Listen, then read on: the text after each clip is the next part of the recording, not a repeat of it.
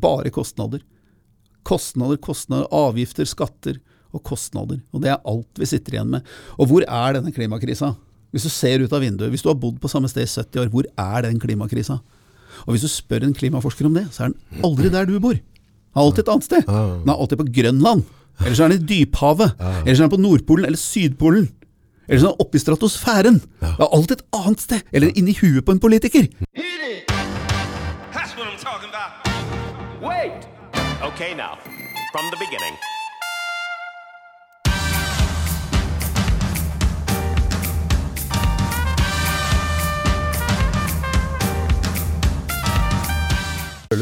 Tre, to, én. Kent Andersen, velkommen til Nordpodden.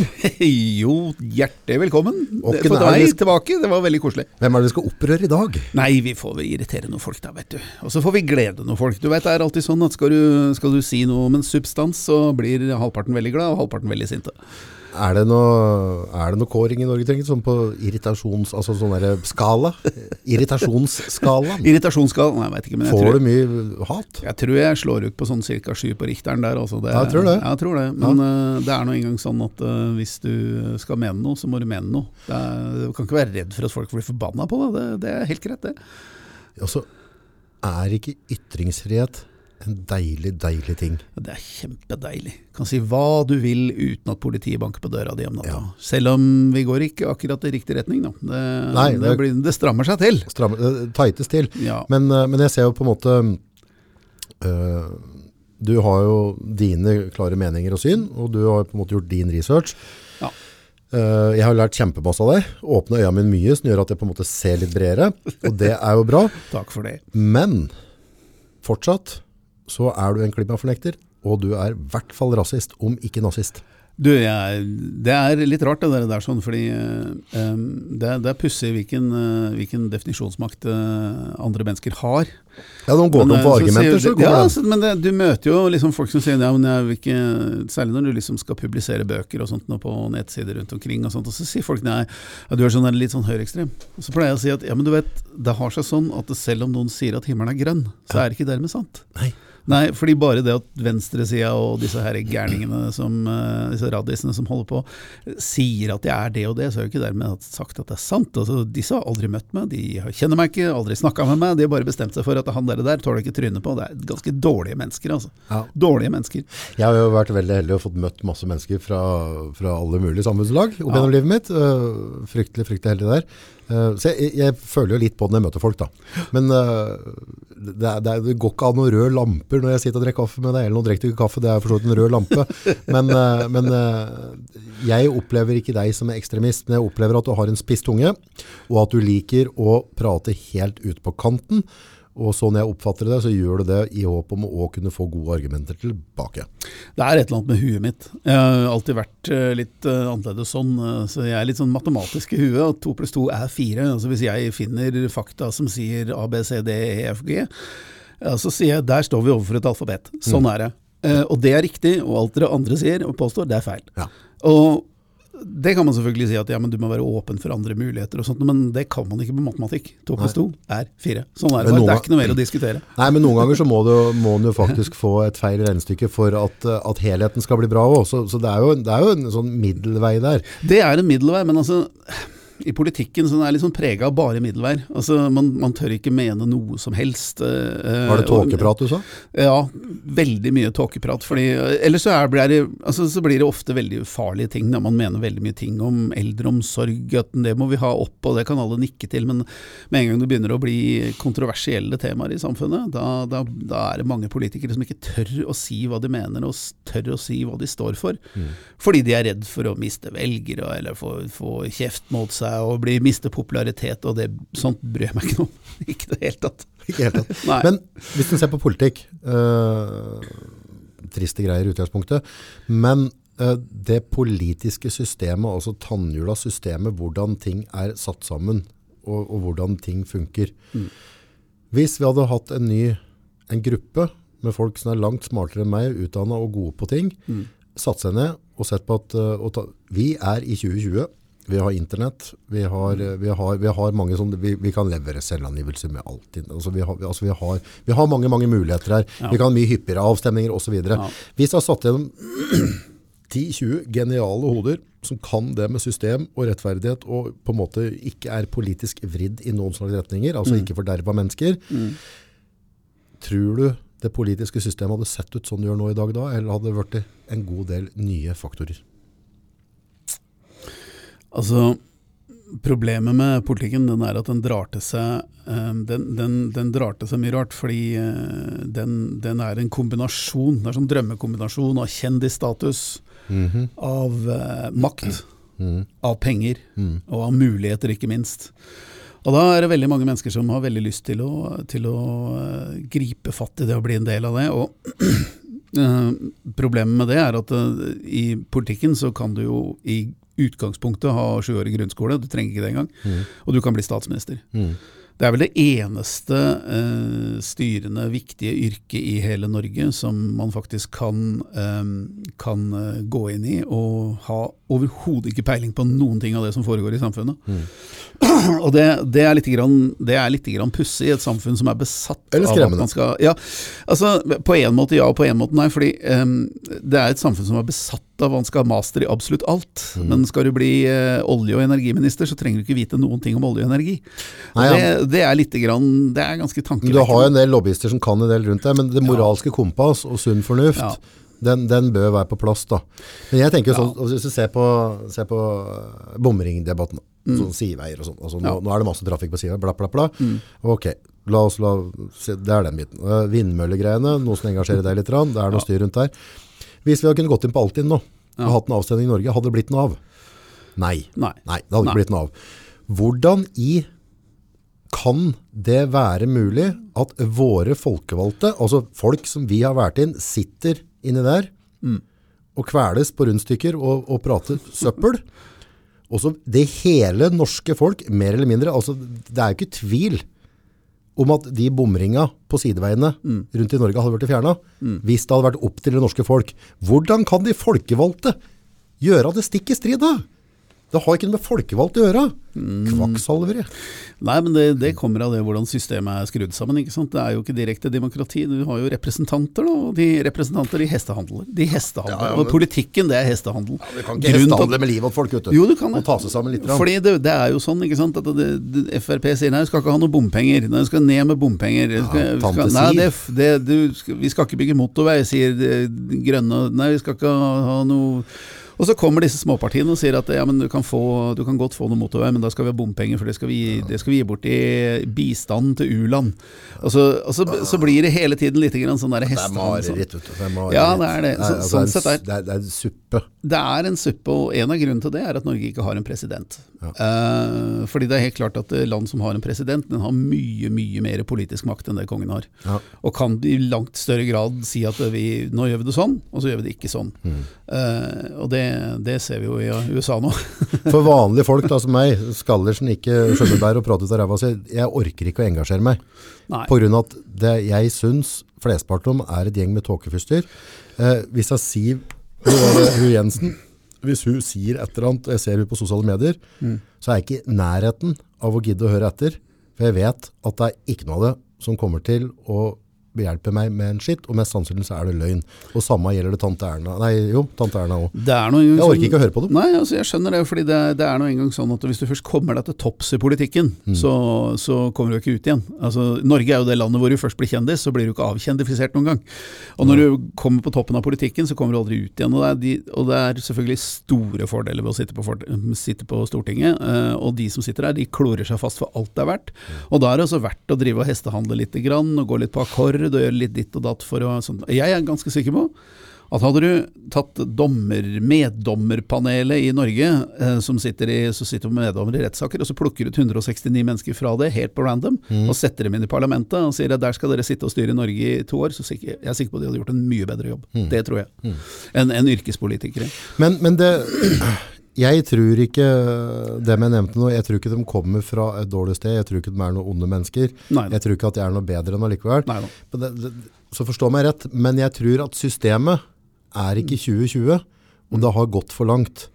Jeg Ja. tror at det norske folk skulle hatt en større stemmerett, vi skulle stemt på andre ting, men på et eller annet tidspunkt, hvis ikke jeg er politiker, og jeg kommer med mening, så sier jeg, ja, men stakkars August, du er så liten og dum. Sett deg på fanget her nå, skal du få, skal du få, skal du få tutte litt på tåteflaska. For skal jeg prøve å fortelle deg hvordan vi voksne tenker. Det er feil, de er ikke noe glupere enn meg og deg og andre. Altså vi vanlige norske borgere, vi skjønner også rett fra gærent. Og det er fryktelig mye flinke folk rundt i Norge her som skjønner det. Hvorfor kan ikke vi få større råderett med tanke på at det er noe som heter internett, vet du. Ja, Ja. det er det. Ja, og det, det, det er trygge innlogginger. Det er ting. Da kunne han ha stemt. Den der snuppa der, hun prater så mye tull, så hun der ønsker vi ikke. Og ha, ha, dette, dette gagner ikke landet vårt. Nei. Nei. vi vil ha en, en statsminister som jobber for Norge. Eh, hvis du ikke følger opp det, så fjern deg. Altså Valgsystemet vårt og måten politikken er styrt på, er jo, er jo uh, over 100 år gammel. Eh, Det og, og, det, og, det, og det bevares nå. Selv om alt annet skal digitaliseres og moderniseres og, reformer og så videre, så, videre, så skal man bevare altså, det systemet som ivaretar profesjonelle Ja, man politikers skal digitalisere havregrauten på, på Alt skal digitaliseres, men, men politikers, eh, politikernes, yrkespolitikernes eh, maktbase, den er det ingen som eh, vil røre. For hvordan skal man ellers gi seg høyere lønn når man sitter på Stortinget? Og det eh, Ja. eh, Nei, systemet må, jeg vi, vi, vi, må, vi må se på noe nytt, og det ser jo USA òg. Så, så har sitt system, men altså, hva, er det, hva er det amerikanere har velgetid om dagen, da, liksom? Altså, pest eller kolera, bestem deg, er du snill. Ikke sant? Det er jo ja, helt kokos. Nei, altså, det, det, vi har Fader, det Det er helt, helt vilt. det er helt opplagt at eh, nordmenn er Jeg har møtt mye dumme folk som sier smarte ting, og jeg har sett mye smarte folk som sier veldig dumme ting. Jeg har møtt noen professorer som er helt på bærtur. Eh, og, og det er nå engang sånn at eh, Men vi har fått sånn Det går jo gærne veien her i Norge. Fordi vi blir stadig mer, mer trofast mot eh, makta. Det blir mer og mer autoritetstro. Nordmenn, de, de gjør hva Trofast mot makt. Ja, altså, altså, nordmenn er så- Trofast og makt i samme setting, det, det, dette ble feil. Nordmenn er så autoritetstro at det er nesten ikke til å fatte. Og samtidig så får vi sånn ekspertvelde. Hvis ikke eksperter sier det, da, da er det ikke noe verdt. Nei, det, det er ingenting verdt. Og Derfor så har jo nå staten begynt å bruke hva er det, er det 10 milliarder kroner de bruker konsulenter. De har altså verdens Hvordan ble konsulent egentlig? Jeg har lyst på å ha noe tatt der. Jeg veit ikke, men det er en veldig bra bransje. Altså, du, du ans, de har altså verdens største stat i forhold til antall folkemengde. De er- Det er ansatt så mange folk i det offentlige at det er nesten blitt et egen sånn verna bedrift i seg sjæl. Og likevel så har de ikke kompetansen De har ikke kompetansen til å gjøre det de skal. De må ha konsulenter for å hjelpe seg! Ja, men hva har skjedd med det? Hvorfor har det blitt så soft? Nesten. Nesten blitt. Jeg Det er ikke ikke. nesten blitt, det har blitt. Det har blitt. Ja. Det er, og det er, det er kjempe, kjempeparadoks. Ja. mener, Du må, ha, du må ha konsulenter til å gjøre jobben for Ja, deg. nei, det er sånn- skal vi tenke litt? Jeg sier det, når jeg blir statsminister, når jeg blir statsminister, pleier jeg å gjøre litt sånn statsminister. Da må jeg si litt sånn Ja, ja, stats, når jeg blir statsminister, ja, ja. så skal vi Vet du hva? Vi må kutte konsulentbruken. Hvorfor skal vi bruke konsulenter? Vi har nok ansatte, og hvis de ikke kan den jobben, Spark dem ansatt konsulenten. Ja, da får vi videreutdannelse. Vi ja. trenger, det må da være mulig å ansette mennesker som er kompetente og ikke trenger konsulenter. Burde jo være Særlig med tanke på at absolutt alle de som ansettes i stat og kommune nå, de må jo ha master. Du må det? Ja, ja, du får ikke må ikke tro du får Hvis du har jobba 30 år med noe, og søker på en jobb i det offentlige, så, så, så er jeg redd for at den jobben går til en eller annen nyutdanna 25-åring, altså uten erfaring, men som i hvert fall har en master. For det er det som teller.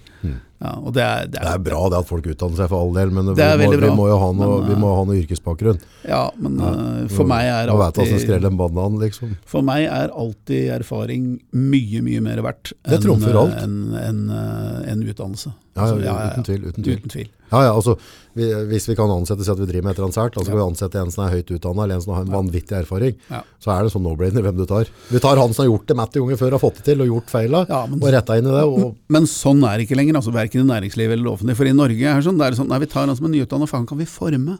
forme Vi kan forme. Og så tar vi vi, har, vi må ha master. Det er krav om at eh, våre nyansatte har master, for de er de beste. Det er bare tull. Det er bare tull. Er det, bare- er det vanskelig å få bare- master, eller må du bare gå og ete nudler noen år? Nei, altså, det er jo bare å pugge seg gjennom det. De aller fleste kan ta en master. Altså, for, eh, Kan du få master i for, alt, På 50-tallet på 50-tallet så var det vanskelig å komme gjennom universitetet. Da, ja, ja, ja. da måtte du faktisk ha ganske høy IQ. Du måtte faktisk Møte ha anlegg for det. Du måtte stå opp om morgenen og faktisk Det var utfordrende. Mm. Eh, og de som ikke var flinke nok, de strøk jo. Men altså, nå kan enhver klare å pugge seg gjennom universitetet. Det er hvis du har anlegg for å holde ut lenge nok. Ja, for det er greit, Så- hvis du dummer deg på noen fag, så kan du bare ta noen privatfag etterpå. og Sånn, kan du ikke? Det er alltid mulig å få seg en master før eller siden hvis du bare holder på lenge nok. Og da er jo sånn, Vi har jo sånn utdanningshysteri i Norge som er veldig skummelt på mange måter. Fordi folk utdanner seg til tullejobber. Mm. Veldig mye tullejobber. Jeg blir, blir feil hvis jeg driver henger ut folk med utdannelse, egentlig, for jeg har null sjøl, så det blir veldig så lett for meg Ja, å, det- peke rundt der. Da. Så det, Nei, men altså, det er jo ungdomsskolen, da, så klart. Det er veldig synd, fordi det finnes jo også ganske mange i, rundt omkring i Norge, og det, det har ikke noe med sosial bakgrunn å gjøre. Altså, som er, kommer fra både rike familier og fattige familier. Mm. Som rett og slett ikke klarer å pugge seg gjennom det er, Du blir drittlei av å sitte på skolebenken. De klarer ikke ta den teoretiske biten. De vil heller bli skitt, få skitt under negla og, og skru. Og, og det, de, de gamle arbeiderklassejobbene, de jobbene fins ikke lenger i Norge. Nei. Så, så, For meg så var det ikke alternativ, for jeg fikk ikke til dette med skolen. Så det var egentlig bare hopp og dritt i. Så bare, det var ikke noe valg. Dra deg ut på havet og jobb, liksom. Og så skal man huske på at på 80, så seint som 80-90-tallet, så var det egentlig før bare å stikke innom en bedrift og si jeg, jeg trenger en jobb. Kan du få en jobb? Og hvis du holdt på på den tre-fire sjapper, så fikk du en jobb, Mm. Ja, ja, ja. som regel. Og nå, og nå så er det liksom eh, 250 støkere til kassajobb på Rema 1000 og sånt nå. Så, så, så vi, alle de der innstegsjobbene for eh, folk som ikke er så teoretisk anlagt, de er jo borte. Og, det er, og, er derfor, og derfor har vi faktisk 10% over 10% av den norske arbeidsstokken mellom 18 og 67. Mm. De er uføretrygda i Norge. 10% Nå. nå.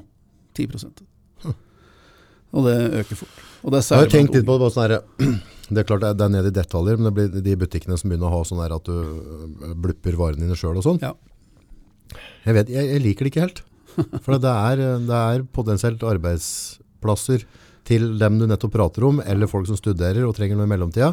Og så vet jeg liksom at de der store matvarekjedene, de lider jo ikke noe. Altså, de konker ikke på denne sida av året. Nei, så, det. så det er liksom ikke sånn om de, eh, om de kan ansette noen hundre mindre studenter i året, så er det ikke det som bikker lasset deres. Jeg tror ikke det er det som bikker lasset dem. Så ikke når de selger ost til den prisen de har, og det aldri er salg på melk. Aldri salg på melk, har du lagt merke til det? Veldig, veldig rart. Ja, stemmer det. Altså, du kan jo få hvis du kjøper sånn som går ut på dato. Da, Ja, da får du 30% eller noe. jeg, kan- jeg vet ikke. Ja, jo, jeg har sett det. Jeg, det. Jeg, får, jeg får ungen min på gammel mjølk. Nei, det, men det er et kjempeproblem, for det, vi har ikke innstegsjobber lenger. Og mange av de innstegsjobbene vi har, de går jo også til, til, til innvandrere som, som kommer utenfra, som Mm. skal ha spesielle særfordeler. Og det, det er jo også helt Ja, men Det er bra at de kommer til arbeid, da. Det er bra, men hva med gutta som sitter 25 år gamle på gutterommet til mamma og ikke får seg jobb? Nei, men Noen av dem kan dra nevene ut av stussen sin og, så, og gå ut og banke litt døra, for det er jaggu en del slask. Altså. Det er en del slask, det er ikke tvil om det. Men altså når er generasjonen din og min, vi skjemmer bort disse unga ut av annen verden. Det er enig. lager jo sånne der, eh, sukkerspinnunger. Ja, og det er jo fordi ingen Hvis du, hvis du sier nå at du jobber som eh, kassa... Ja, nå er jo kassadam, altså de, kassadamene, kassafolk i kassa på Rema 1000 har blitt de nye heltene. Ja. Det er jo de som holdt hele, de holdt Ja, hele korona, ja. Men uh, før var dette sånn veldig utskjelte jobber og sånn, og det er liksom sånn litt flaut å ha Det må jo være sosialt og fint å være der. den innstillinga der skjønner jeg ikke. Fordi jeg, ok, jeg, jeg jobba på fabrikk i min tid, og jobba med mye rare ting. Jeg var garderobevakt, jeg jobba som vaktmann, jeg jobba jobba på fabrikk og sånn. Og jeg har aldri opplevd at noen liksom syntes det var en dårlig jobb. Altså, dårlig, gode og dårlige jobber, hvem bryr seg om det, liksom? Jo, jo. det, det, det var ikke et issue i den tida. Det var ingen som mobba meg fordi jeg jobba på en fabrikk. Det var, Nei, altså kan det godt hende at du gjør det for en periode, og så går det videre. ja, Altså. så går det videre, ikke sant. Ja, så, men Ja. det, det begynner med Men jeg ser jo igjen, da så de som sitter om ikke, altså Noen av dem går an å banke dør og ta av seg lua og ha en, en, en proff, fin opptreden og si at 'jeg tar det du kaster på meg', om jeg får to Ja. timer eller tre timer, så gjør jeg det. Mm. Eh, og er du på jobb, da, så si at, at du er ferdig etter fire timer, men du har jobba litt sakte, du fikk det ikke helt til. Mm. Så til pokker, ta, legg på en time ekstra. altså Gi litt av deg sjøl. Altså, de aller fleste arbeidsgivere får et hjerte til deg da. Men det har noe med å gjøre deg sjøl unik. Gjør deg selv, altså at du på en måte sørger for at folk blir avhengig av deg. Da. Men når det, når det er første du skal, liksom, hva får jeg i timelønn? Hvor mye fri har jeg? Når er jeg sommerferie? Eh, kan jeg få feriepengene mine 1. januar? Altså, altså det, det, det, vi, vi begynner der, ikke sant? Ja, jeg jobba i reklamebransjen eh, i mange år, og vi fikk jo en del eh, friskuser fra, på 24-23 som var eh, hvor eh, de som ansatte Du satt i sånne, sånne intervjuer og sånt, nå, og folk, du ble, ble sittende og bare Hva er dette for noe? Det var, det var ungdom som var så kjepphøye på seg sjøl at det, det var nesten ikke til å fatte at man kan bli sånn, liksom. Jeg kjørte jo, begynte å kjøre Gramersens jobbe for Entrep med en Tom Strøm her oppe i Brumunddal. Ja. og hatt han sånn, jobba mye sammen med han der opp igjennom. Og så var, fikk jeg vel tilbud fra et annet selskap. Og sånn jeg, det var en 10 eller 15 kroner mer jeg fikk i timen for å jobbe der. Ja. Men der fikk jeg ikke lov til å kjøre så mye jeg ville i helgen. Så da husker jeg takka deg. For at alle andre kunne jeg kjøre lørdag og søndag. akkurat som jeg ville. Jeg kunne kjøre overtid utover kvelda. Og det syns jeg var helt topp. Ikke sant? Men så, Så, så det var da der, Hvis jeg skjønte at jeg ikke fikk Og da fikk jeg ikke ekstra Altså jeg fikk vanlig timelønn på overtid på den tida der, så var det ikke sånn at du fikk 20-40, eller altså det var ikke noen prosenter der. Det var bare vanlig, vanlig flat lønn hele tida. Men det var da utslagsgivende for meg. Er at den ene staden så fikk jeg bare jobbe 7,5 timer, for da gikk resten av arbeidsfolka hjem. Da hadde vi ikke lastebiler hadde der. Andre staden kunne jeg jobbe 12-14 timer, hadde ikke noe å si. Kjøre så mye jeg ville i helgen. Ja. Og da var det det som gjorde at jeg ville jobbe der. ja, jeg hadde også en sånn jobb. Jeg jobba, jobba med budbilbransjen i Oslo. Da, Da fikk du kjøre litt. kunne kjøre så mye, kunne kjøre så mye du ville, og det var bestemme arbeidstida sjøl. Men du fikk ikke noe ekstra betalt da? Du fikk bare vanlig timetall sikkert? Nei, fikk, eh, altså vi kjørte jo på akkord. eh, Vi kjørte rett og slett Ja. det vi fikk av turer. Det, ja, ja. det var betalinga. Så det var, det Nei, for før når jeg jobbet overtid, så fikk jeg, det var ikke, det var ikke noe normal i småbedrifter å få 40 ditt og datt å styre til. til. Men dette er et systemisk problem, fordi eh, vi ser at det blir mindre og mindre arbeidsplasser og, og jobber for eh, arbeiderklassen, da, for å si det sånn. Altså for fattige folk og for, for de som ikke er anlagt for å ta en, eh, ta en doktorgrad eller en master i et eller annet teoretisk fag. Um, og det er klart at det, det, det er jo det som gjør at man mangler disse arbeidsplassene, som gjør at, um, at eh, Nav har passert 500 milliarder i budsjett. Vi har 10 eh, mennesker på, eh, på uføretrygd. Vi har um, en tredjedel av den norske arbeidsstokken jobber ikke. En tredjedel, en tredjedel? en tredjedel jobber ikke. En tredjedel går Det er sånn veldig røfle. En tredjedel jobber ikke. En tredjedel er ansatt i det offentlige, og da, som da koster Lønna kommer fra skattebetalerne, og en tredjedel jobber i det Så det er på en private måte en tredjedel som skal betale gildet, egentlig. da. Ja, det er det. Og dette er jo grunnen til at Trump Takk at vi har olje. dette, ja, men dette, er grunn grunnen, dette er grunnen til Trumps suksess, og det, dette klarer jo ikke det norske establishmentet og media. De klarer ikke fatte det, fordi de ser bare på The Orange Man og hvor rar, hvor rar han er. Han er litt rar, da. Men jeg, Han er kjemperar. Jeg syns han er kjemperar. eh, Men, men poenget er at det er helt uvesentlig hva han er. Det er hva han sier som er interessant. Fordi han sier at vet du hva, jeg er president for USA, ikke for eh, FN, ikke for eh, hele jordkloden. Ikke Problemet er at han sier det på så jævla dumme måter. ja, det gjør han, men man må, man må høre gjennom, høre gjennom til- Og så sier han det at vet du hva, siden jeg er president for, for USA, så har jeg plikt til å gjøre det som gagner USA, selv om det går utover Kina, selv om det går utover eh, over Afrika. Selv om det, altså, de har sine politikere som får ordna opp med sine ting. Og jeg er president her og har ansvar for mine, mine velgere og arbeiderklassen. og Derfor skal jeg hente jobbene som gikk til Kina, de skal hente tilbake igjen. Og Derfor åpner han opp kullgruver. Han sørger for at eh, fabrikkeierne faktisk må sende fabrikkene tilbake igjen til USA, for det lønner seg da å plassere fabrikker i USA. Og så begynner da arbeiderklassen i USA og middelklassen å få jobber igjen og få mer omsetning. Tror du han vinner valget i år? Ja, det er jeg ganske sikker på. Men eh, koronaen har ødelagt eh, veldig mye for enhver som sitter ved roret. Mm. det er en kjempenøtt å løse. Altså, fordi det er, det er jo Uansett om du er, eh, om du er eh, diktator eller om du er eh, Nei, det gjør det godt. om du er folkevalgt, så, så, så har du ansvaret for å redde opp i den der eh, møkka der. Og det, det, det, er det finnes jo ikke noe løsning på det. det Men er det, det jeg syns er litt interessant med han Trumperen, da, har de siste liksom, sånn 100-150 dager Mm. Det har vært interessant å visst hvor mange dager av den siste 150-dagsperioden VG eller Dagblad ikke har klemt på et bilde med et eller annet negativt om han. Ja, nå- Det er ikke, og det tror jeg vi kan telle på to hender. Altså, hvordan, hvordan propagandagreie er dette der? Altså, Nei, det er dette, dette er jo verre enn det eh, Adolf og det hele jævla bøtteballet jeg drev med. De, altså, dette er jo en sånn der propagandamaskin. Har de egne ansatte som bærer sitt med dette, eller? Ja, det ser nesten sånn ut. Ja, det har, jo det. Det- altså, har det jo pågått, det, det pågått helt siden han vant valget. Så er det sånn, nå må Trump gå av, nå, nå har han gjort mer Ja, tabber, nå går nå skal han på holka, og Ja. nå sa kan det. Ja, nå er det ikke, ikke måte på. Er, Kjerringa vil til kysten. nå blir det pressa ut, og så er det Russian collusion, og det er China collusion, og det er ditt og datt collusion, og det er, det er alt mulig rart. Så nå er, så er det så er det skal vi begynne å ta bilde av Erna. Gubben ville ikke holde Erna i armen. Og så, å nei, ok, hun måtte holde i håndtaket. Altså, men, men grunnen til at det er sånn, eh, det er faktisk veldig alvorlig, og det er jo at eh, hele, altså hele Vesten, særlig Europa og USA, har jo blitt styrt av en elite som uh, er veldig globalistisk innstilt. Mm. Altså de vil ha de én verden, de vil rive grenser, de vil, uh, de vil det- samarbeide for å sikre fred og frihet og, og, og, og mat på bordet for alle mennesker. Det er veldig, veldig fint det, men problemet med politikk er at hvis du, hvis du gjør én ting, så, så skjer en annen ting. Det går utover noen. Ja, Og det, det, det er helt åpenbart at vi er i akkurat samme situasjon her i Norge, for ikke å snakke om i Sverige. Altså, vi har en statsminister som jobber for FN. Hun har en jobb for FN, samtidig som er statsminister for jobber Norge. av FN? Ja, det, hun jobber for FN. Altså lønna, eller? Ja, ja, ja. Hun er jobb. Hun, er, hun har en stilling som FN som en eller annen ambassadør. Fett, Nei, det går ikke an det, da Jo vel? Jo da. Nå har du nok med å være statsminister. Nei, det har ikke det. Fordi du er ikke, hun, Har er ikke, døgnet hun er ikke statsminister for Norge. Hun er statsminister for FN og EU og hele verden. Og, og det gjør jo det at politikken hennes den, den går utover arbeiderklassen i Norge, og den går utover middelklassen. Fordi jobbene forsvinner, fordi øh, penga forsvinner, og skattebetalerne sitter igjen og skal betale. Og, og dette, den globalismen som hun representerer, som nå har styrt egentlig Europa siden 1980, den, øh, den setter fokus vekk fra, øh, fra Norge vekk fra nasjonalstaten og ut i hele verden. Sånn at man skal på en måte være ikke bare statsleder for, for sitt eget land, men også for hele verden, og representere sånn at hele verden blir fredelig og fri og, og, og mett og god og glad. Og for meg er dette litt absurd, fordi nå har hun prøvd dette, og det virker ikke. Det går bare utover våre egne land, og det er grunnen til at Trump har, har vunnet i USA. Nei, altså, det, er jo at politikere tidligere ikke har hørt på folket. Ja, Eh, og, og, og, så til slutt så blir folk lei, og da velger de en sånn Trump-type dag. Også, Til slutt så sier folk nå er det nok. Nå er det nok. Og, spørsmålet er, altså det helt systematiske spørsmålet som melder seg da, det er hvem er det egentlig den norske statsministeren skal jobbe for?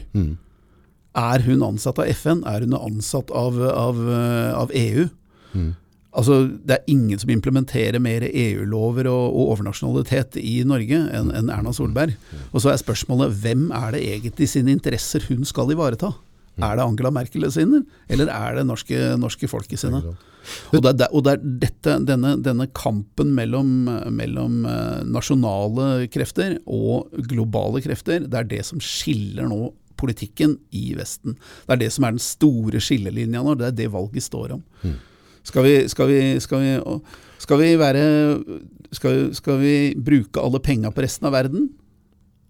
Så går det utover oss. Eller skal vi bruke alle penga Ja, hjemme må finne, her på på må oss? finne, må finne balanse. Ja, akkurat med den balansen er Men, nei, men det, problemet er at politikk i seg sjøl er betent. Men hvis du har gjort et sånt artig eksperiment, hvis du har tatt han der eh, Carl I. Hagen, og sluppet han opp i en sånn boks, Ja. og så har vi krympa han til han blitt en sånn 40 år gammel, Ja. og sluppet han på banen nå i dag, Ja. så tror jeg den politiske situasjonen i Norge har blitt ganske fort forandra.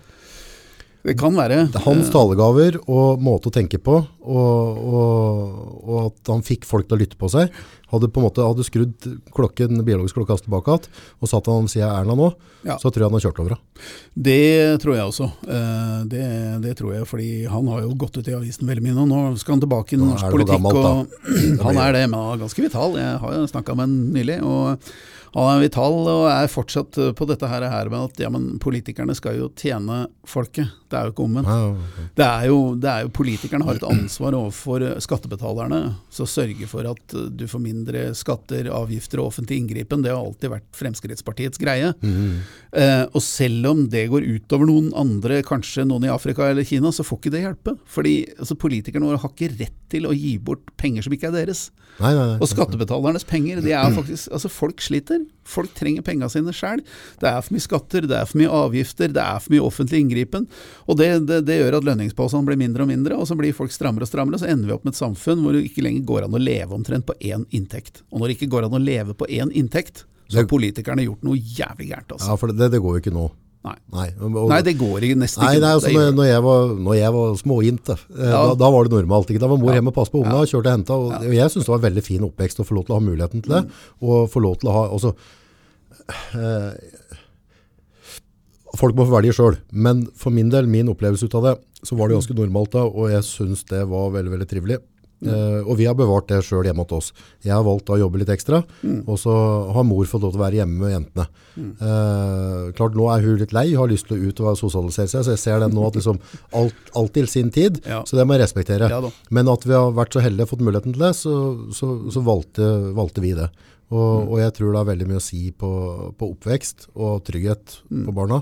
Så å få muligheten til det syns jeg er helt tipp topp. Og så er det de andre som tenker at det, jeg har ikke lyst, jeg vil ut, jeg har karriere'. Nei, altså det ikke, og det er frivillig. Det er jo ikke spørsmål om at man ikke skal jobbe begge to. Poenget er at det må være mulig å overleve på én inntekt, for det er jo ikke alle mennesker som, som har partner. Det er jo ikke alle som, eh, som Og folk blir skilt. eh, Og det, å, Ja, det det at man ikke kan klare å leve anstendig med bil og, bil Uten og bolig og uten statsstøtte eh, på én inntekt, da har politikerne gjort noe fryktelig gærent. Men Ja. Nordmenn er fryktelig fornøyd, fordi penga renner inn, og, og i hvert fall de som teller, de har nok av penger. og det er eh, hvis, man, hvis man spør mange nordmenn så spør liksom, hvordan syns du nordmenn er drevet, Norge er drevet og hvordan det går, så er de fleste veldig strålende fornøyd. Men det er klart at har det bra med, med måter. synes 250 milliarder kroner fra, fra, fra oljenæringa Mm. hvert år, som strømmer inn på budsjettet for å få det til å gå i balanse, så er det klart at det, da kan, jo, da kan man løse alle disse problemene Mm. eh, ved å ansette flere i det offentlige. blir stadig flere offentlige ansatte, Mm, på høye lønninger. Eh, så kan man løse det ved å, ved å uføretrygde folk og ved å gi folk støtte. Og, og, og, så kan man på en måte lappe på, plastre på all den dårlige politikken som foregår. Men før eller siden så, så slipper man opp for penger. Ja. Og det, det er jo det som er problemet med Norge. og Man, man maler seg inn i et hjørne rent politisk, og, og så vil man ikke engang diskutere hva det er man egentlig holder på med. Fordi det er helt klart at Hadde du kutta ut, eh, hadde du kutta ut klimatiltak, hadde du kutta ut eh, bistand som ikke virker, hadde du kutta ut eh, konsulentbruken i staten Altså, du kan, du kan liksom spare 100 milliarder over natten. Ja, men så det er Innimellom så har du sånne konsulenthistorier som er helt fantastiske. Liksom, skulle vært med Asbjørnsen og Moe. Noe av det, det tar jo helt av. Det er noen som griser på. Men du Kent, Ja, du, vi er her i dag for at jeg skal lære litt mer, og så skal vi erte på oss en hel haug med folk. det må vi prøve. Ja, og så må jeg bare minne på dem som finner eh, innholdet i Nordpodden underholdende, eller på en eller annen måte, om de irriterer seg over det, eller synes det er enig eller ikke, så setter vi veldig pris på både delinger og tomler opp. Det gjør vi. Tomler ned også, altså, fordi Ja, det, det er er- mange måter, det er mange Du får ikke tomla ned på Facebook da. Men, det er, men det er mange måter å styre et samfunn på, og vi er bare uenige om hvordan man skal gjøre det. Ja, det er jo og- det det handler om. ja. Altså, de aller fleste mennesker de har gode intensjoner. Ja. Og, og poenget er hvis en sitter med et annet syn på ting enn det du gjør, eller jeg, eller hva det nå enn er, så bruk nå gjerne feltet under og fortell meninga di, for det er det ytringsfrihet dreier seg om. Det er det det dreier seg Ja, om. og det er det jeg ønsker at Nordpoden skal dreie seg om, at her skal vi få lov snakke fritt. Men uh, forhold til dine nemesiser, da, eller motstand, eh, det har ikke kommet opp noen ennå, men de er jo velkomne i stedet. Ja. Klima, antiklimaks. Klima antiklimaks. Ja. Ja. Fortell, hvorfor har du bølgeveggen på her nå? Det, det er eh, endelig, så etter eh, to års, års research, eh, så sitter jeg igjen da med en bok som heter Klima antiklimaks på 350 sider. Som er den første og eneste gjennomgangen av hele klimasaken. Fra 1957, når det starta, sort av, til i dag. Ja. Med hvordan, hvorfor, hvem, når. Alle svarene står i denne boka. her. Blir det et slags oppslagsverk nesten, eller? Ja, denne boka er eh, Det er skrevet mye om klima. Eh, Det er det. Men veldig mye av det er veldig akademisk og veldig vitenskapelig. Sånn at ikke jeg skjønner det. Sånn at du ikke skjønner det. Men jeg skriver jo ikke sånn. Nei, Nei for det er problemet mitt. Jeg, altså, jeg, er en uh, ja, De, de fleste som, som leser meg, jeg, har jo, jeg, jeg jobber som journalist i dokument.no også, og har skrevet De siste tre åra har jeg nesten skrevet utelukkende om klimasaken. ja. og gravd i den. Og, og der har jeg hatt en, også en artikkelserie som heter Klima og antiklimaks, som denne boka på en måte starta med. Ja, sort of. Hva er det du ønsker å få ut av det? Hvorfor har du skrevet den? Nei, altså Først og fremst fordi jeg syns det mangler et, eh, et um, nøkternt, folkelig verk som tar for seg hele klimasaken og alle dens implikasjoner, alle dere tiltakene. For helheten. For helheten i det. Og se, og så, og så se så denne boka, den, den, den tar for seg alle klimatiltakene, hva som er gjort, hvordan det har virka. Den tar for seg pengene, den tar for seg hvordan det oppsto, hvem som står bak. Eh, og så videre, og, og resultatene av det hele. Sånn at Nå har du skrevet på norsk, eller har du brukt masse sånn type fremmedord for, å, for å, å nedverge Nei, andre som ikke skjønner ordene? orda? Det det er som redaktøren eh, i Document Forlag sa, at eh, dette var veldig folkelig, og ikke bare det, men jeg holdt på å le meg flere ganger også. Jeg har jo bl.a. Skrevet en uh, passiar her om det norske hydrogeneventyret. Ja, ja, ja. Og det er veldig veldig morsomt. Ja. Nei, for jeg ser meg litt lei på, på mye sånn type informasjon der det sitter folk som sikkert er mye glupere enn meg for all del, men så på, er det sånn akkurat sånn de skal, bry, de skal skrive det på en sånn måte sånn at det blæs over huet på meg, og så skal jeg føle meg litt dum etterpå. Og så kunne vi egentlig forklart det på én setning. Ja. Jækla enkelt. Jækla enkelt. Og det, jeg kjenner jo Jeg har jo vært borti mange professorer og, og, og akademikere på min vei. Eh, blant annet eh, Vi har jo Klimarealistene, som er et eget eh, faglig råd, som er veldig veldig flinke og dyktige vitenskapsfolk. Ja. Men de er jo akademikere, og, og veldig Altså, de har sin, sin form.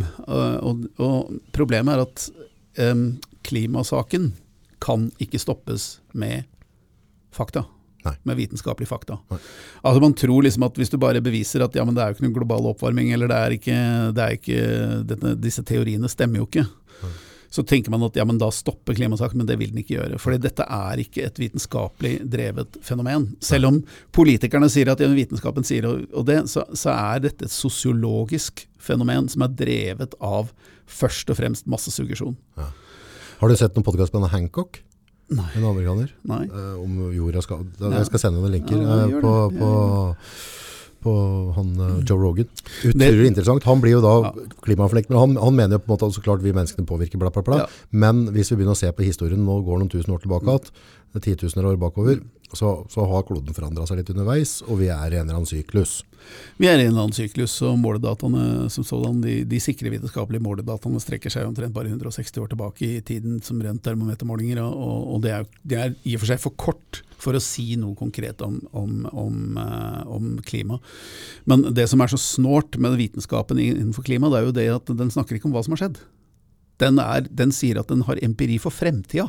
Altså, eh, denne vitenskapen, som er egentlig bare bestillingsvitenskap, og egentlig jeg kaller det for klimakreasjonisme, den sier at vi med sikkerhet, vi forskere kan med sikkerhet si hvordan klima vil utvikle seg fremover til år 2100. Og det er det rene, skjære bullshit, for det er komplett umulig. Ja, det får de ikke til, vet du. Nei, det er helt komplett umulig. Altså, Vi vet jo ikke hva vi gjør i morgen. Klimaendringer er og forblir et naturfenomen, akkurat som jordskjelv og vulkanutbrudd. Ja, ja. De kan ikke forutses, de kan ikke styres, de kan ikke, vi kan ikke gjøre noe med det som sådan. Og Nei, for Hadde de visst det så godt, så hadde de kunnet forandra på det sånn. ja, ikke sant. Og, og, og det kan godt være at det er vi som eh, det, er vi, det er våre CO2-utslipp som gjør at det blir varmere. Det er, den teorien er veldig, veldig tynn, som jeg viser det, i denne boka her. Den teorien er fra 1957, og den er veldig tynt begrunna. Men hvis det nå en gang var sånn, så, så, så er det jo ikke dermed sagt at hvis vi kutter CO2, så, så, så stopper det å bli varmere. Mm. For de naturlige endringene de, de har vi ikke noe kontroll på. Det er ingen som vet hva klimaet vil gjøre om 100 år. Det er bare tull. Men Sånn hvis, at- hvis, sånn hvis jeg leser boka di nå, da, eh, så hva, hvilke punkter er det du tror du kommer til å sparke bena med? Hva, hva er det som kommer til å sjokkere meg i den boka? Jeg tror uh, den starter med 13, uh, 13 fakta om, om klimasaken som hver for seg alene kunne stoppa klimahysteriet. Ok? Ja. Eh, så tror jeg også tidslinjen, hvor man ser jeg har Åssen 13 ting da, tenker du? Eh, Nei, du får lese når du kommer. og, så, og så er det tidslinja, hvor man ser hvordan dette utvikler seg fra 1957 og fram til i dag. Hvordan det eskalerer og sprer seg. Og det sprer seg ikke ut ifra en vitenskapelig synspunkt. Det er ikke vitenskapen som står bak dette i det hele tatt. Det sprer seg På hvilken måte kan du bevise det? da? Også? jo, nei, men, nei, men Det ser du veldig tydelig, fordi det er, det er pressgrupper, det er politikk. Det er jo ikke vitenskapen som går ut og sier at nå skal vi, nå skal vi bygge vindmøller på hver flekk i Norge. Det er ikke vitenskapen som sier det, det er politikerne som sier det. Det er pressgrupper, det er Ja, men det er vitenskapen som har sagt til politikerne? det er er det ikke? vind, ja, de bruker vitenskapen, men de misbruker den. Fordi de sier at hvis vi brygger vindkraft, vindpropeller på hver eneste flekk ute i havgapet i Norge, så kommer altså de til å redde klimaet. Det er bare bullshit. Det er rett og slett ikke sant. Eh, Men for å oppnå dette, så ser man veldig tydelig at man bruker propaganda og, og massepåvirkning, massesuggesjon, for å få mennesker til å si at ja, ja, vi, vi, vi, vi må gjøre noen tiltak. Så, så, og, og mitt mandat for å skrive boken er jo ikke det at jeg er klimaforsker. Mitt mandat for å skrive denne boka er at jeg har jobba i 20 år i reklamebransjen med massepåvirkning og massesuggesjon. Så når jeg sier at noe er massesuggesjon, så er det det. Da, da er jeg eksperten. Ja. Ikke bare det, men jeg er også ti år i politikken. Nei, tolv år har jeg i politikken nå. Så når jeg sier at dette er et politisk fenomen, så er det det. Da Så har- folk, så, er jeg, så er jeg eksperten. Og ikke bare det, men så har jeg i tillegg jobba som forfatter i fem år, så jeg kan skrive. Og jeg jobba da som gravende journalist i tre år. Så jeg er i, på en måte klimasakens verste mareritt. Fordi jeg Men- for, Og det som er så morsomt med denne boka, er som sagt at den, den ser på klimasaken ikke fra et vitenskapelig synspunkt, men fra et sosiologisk synspunkt, som et, som et, som et eh, samfunnsfenomen eh, drevet av, av massesuggesjon. Så vi har et svært kapittel også om, om massehysterier og masse Gi meg noen eksempler, da, så jeg på en måte at vi fenger litt interesse for å, å Nei, altså sette av tid. en av sakene er sånn, det er jo øh, Jeg tar bl.a. for meg disse her stadige bølgene som kommer. altså Først så kommer liksom Pussy Riot, og så kommer Metoo, og så kommer, øh, og så kommer Klimagreta, og så kommer Black Lives Matter. Det er sånne voldsomme, enorm oppsving i sånn protestbølger Ja. som kommer, og så blir det borte igjen. Ja, og så kommer den igjen. blitt den, da. Og så blir den borte igjen. Hun er borte nå. Ja, ble borte. Fordi altså, dette er en måte å kontrollere samfunnet på. Og den beste måten å kontrollere et samfunn på, det er å gjøre folk redde. Gjør folk Jo, jo, redde. jo. Gi dem noe å være redd for. Og, og, folk, og folk velger deg fordi du står fram og har løsninga. Dette, er, dette er politisk eh, ABC. Dette gjør alle politikere som vil ha makt. De sier at der er problemet, jeg er løsningen. Eh, og så trenger ikke problemet være reelt i det hele tatt. Samme gjelder i salg. Altså Hvis du klarer å få et lite element av frykt, at du, at du, at du går Nemlig. glipp av noe hvis ikke du blir med på det her, så Så dette har klare paralleller til, eh, til hvordan man, man, man griper makten i et samfunn. Og holder folk i ånde. og holder folk, altså vi har, altså, som som jeg har sagt tidligere, vi har politikere som vil ha panikk i samfunnet de selv styrer. De vil at befolkningen skal være redde og frykte fremtiden, og vil at barn skal ha angst. Og Hva slags ledere er det? Nei, det er Hvordan i all verden Da må altså De fleste mennesker må sette seg ned og si Vet du hva, jeg, jeg vil ikke høre på sånne ledere. De burde heller høre litt grann på, på, på folk som er imot dette klimagreiene, og si at vent litt nå. Eh, nå beveger alle seg i én retning, og det koster Norge kanskje 40-50 milliarder kroner i året. Vi ødelegger naturen med dette her. er sånn. Kan det være at dette er feil, og at noen har helt andre interesser enn å redde klimaet? Det er det spørsmålet alle må stille seg. Kan det være at forretningsmenn som er vant til å tjene så mye penger, har kasta seg over vindkraften og påvirka politikerne til å tro på klimasaken? Utfordringa mi der penger- er at jeg og- føler at det blir liksom konspirasjonsteori, da. Det er ingen konspirasjonsteori. Ja, men jeg, Altså, dette- jeg tror veldig mange føler det Ja, sånn. ja, altså, og- og det, hva, det, det, dette er så far-fetched, Og da. det er veldig bra du skriver, men problemet med dette er at det foregår i full åpenhet. Full åpenhet. Det er ingen tvil om at, at, eh, at eh, vindkraftindustrien påvirker politikerne. De påvirker Hvordan får de gjort det? De har jo lobbyister som hele tiden forteller dem. De, de arrangerer svære møter og klimamøter. Hvordan funker lobbyister i Norge? Nei, De fungerer delvis inne på, inne på Stortinget. De fungerer overfor politikere lokalt. Eh, de fungerer på, på internett.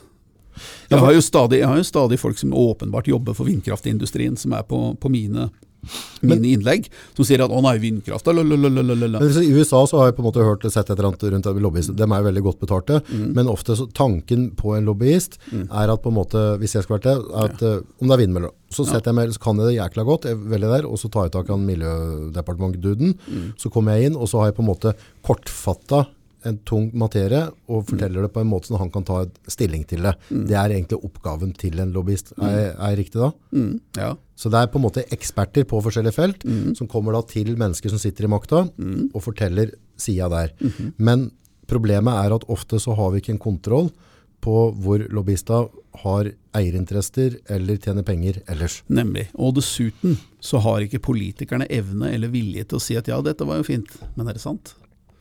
Kan jeg, hvor finner jeg alternativ? Hvor får jeg alternativ? Og det er ikke noe konspirasjon at NHO, at, eh, at Statkraft, at Energi Norge, at Zero Norge eh, arrangerer svære og samarbeider overfor regjeringen, inviterer til svære klimagreier for å fortelle hvor fantastiske eh, løsninger de har på klimasakene.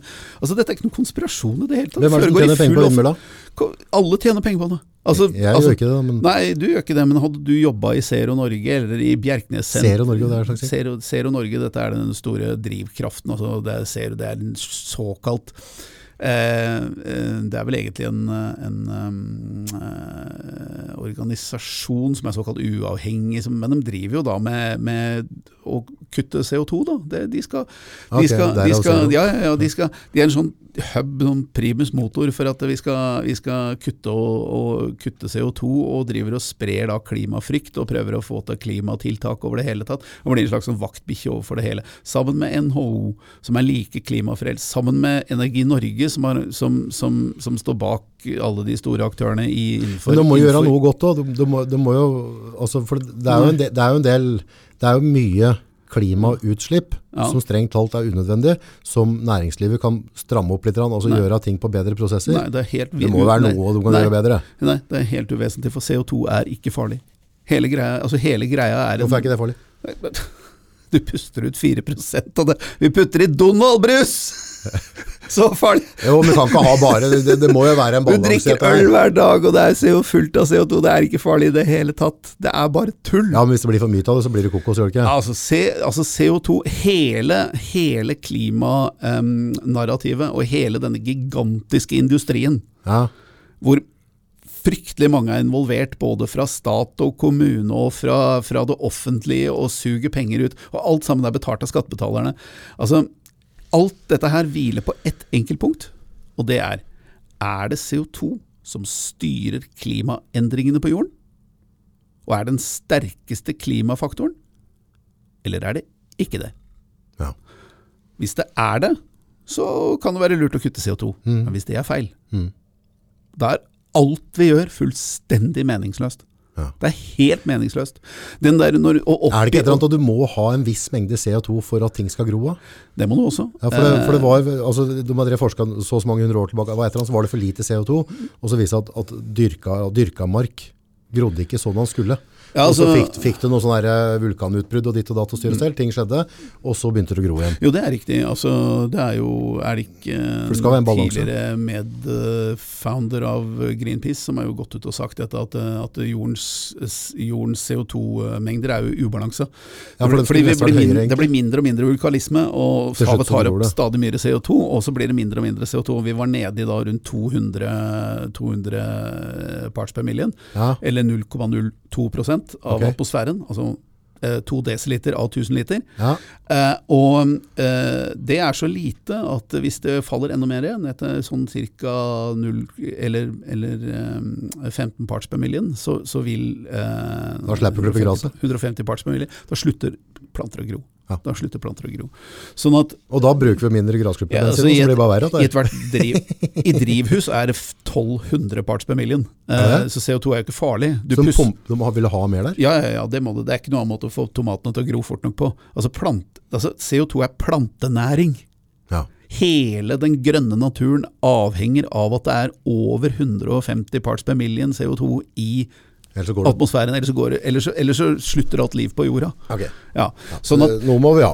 nå, så, så, så noe må vi ha, og det spiller ingen rolle. Du kan godt være i et rom med 4% CO2. Altså. Du, du, det, det begynner å bli mye, men, men det går fint. Eh, men Men påvirker det global oppvarming og ditt og datt ellers? Det kan ha en effekt, men spørsmålet, men spørsmålet er Nei, altså Det er jo en klimagass som sådan, det er jo det. Det er en svak en. I forhold til vanndamp f.eks., så er den veldig svak. Ja, for vanndamp det blir drivhuseffekt. over- Ja, det er masse drivhuseffekt i det òg. Og, og selvfølgelig også metan, men den brytes veldig fort ned i atmosfæren. Men, men, men spørsmålet er selvfølgelig, det henger ei svær kule der oppe 150 millioner kilometer unna, unna jorda, som er 1,2 millioner kilometer i Sola.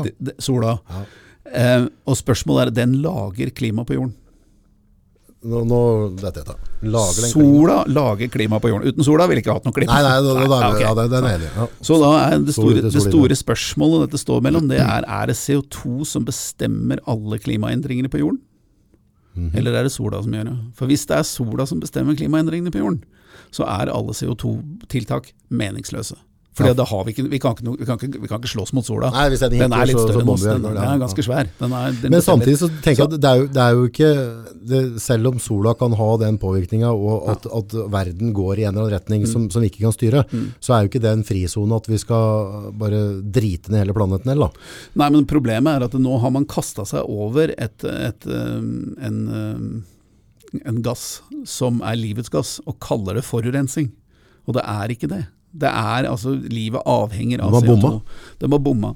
Og så kan man selvfølgelig si at ja, hvis vi fortsetter altså Det Parisavtalen sier jo, vi må kutte CO2 med sånn at, vi, at jorden ikke varmer seg opp to grader.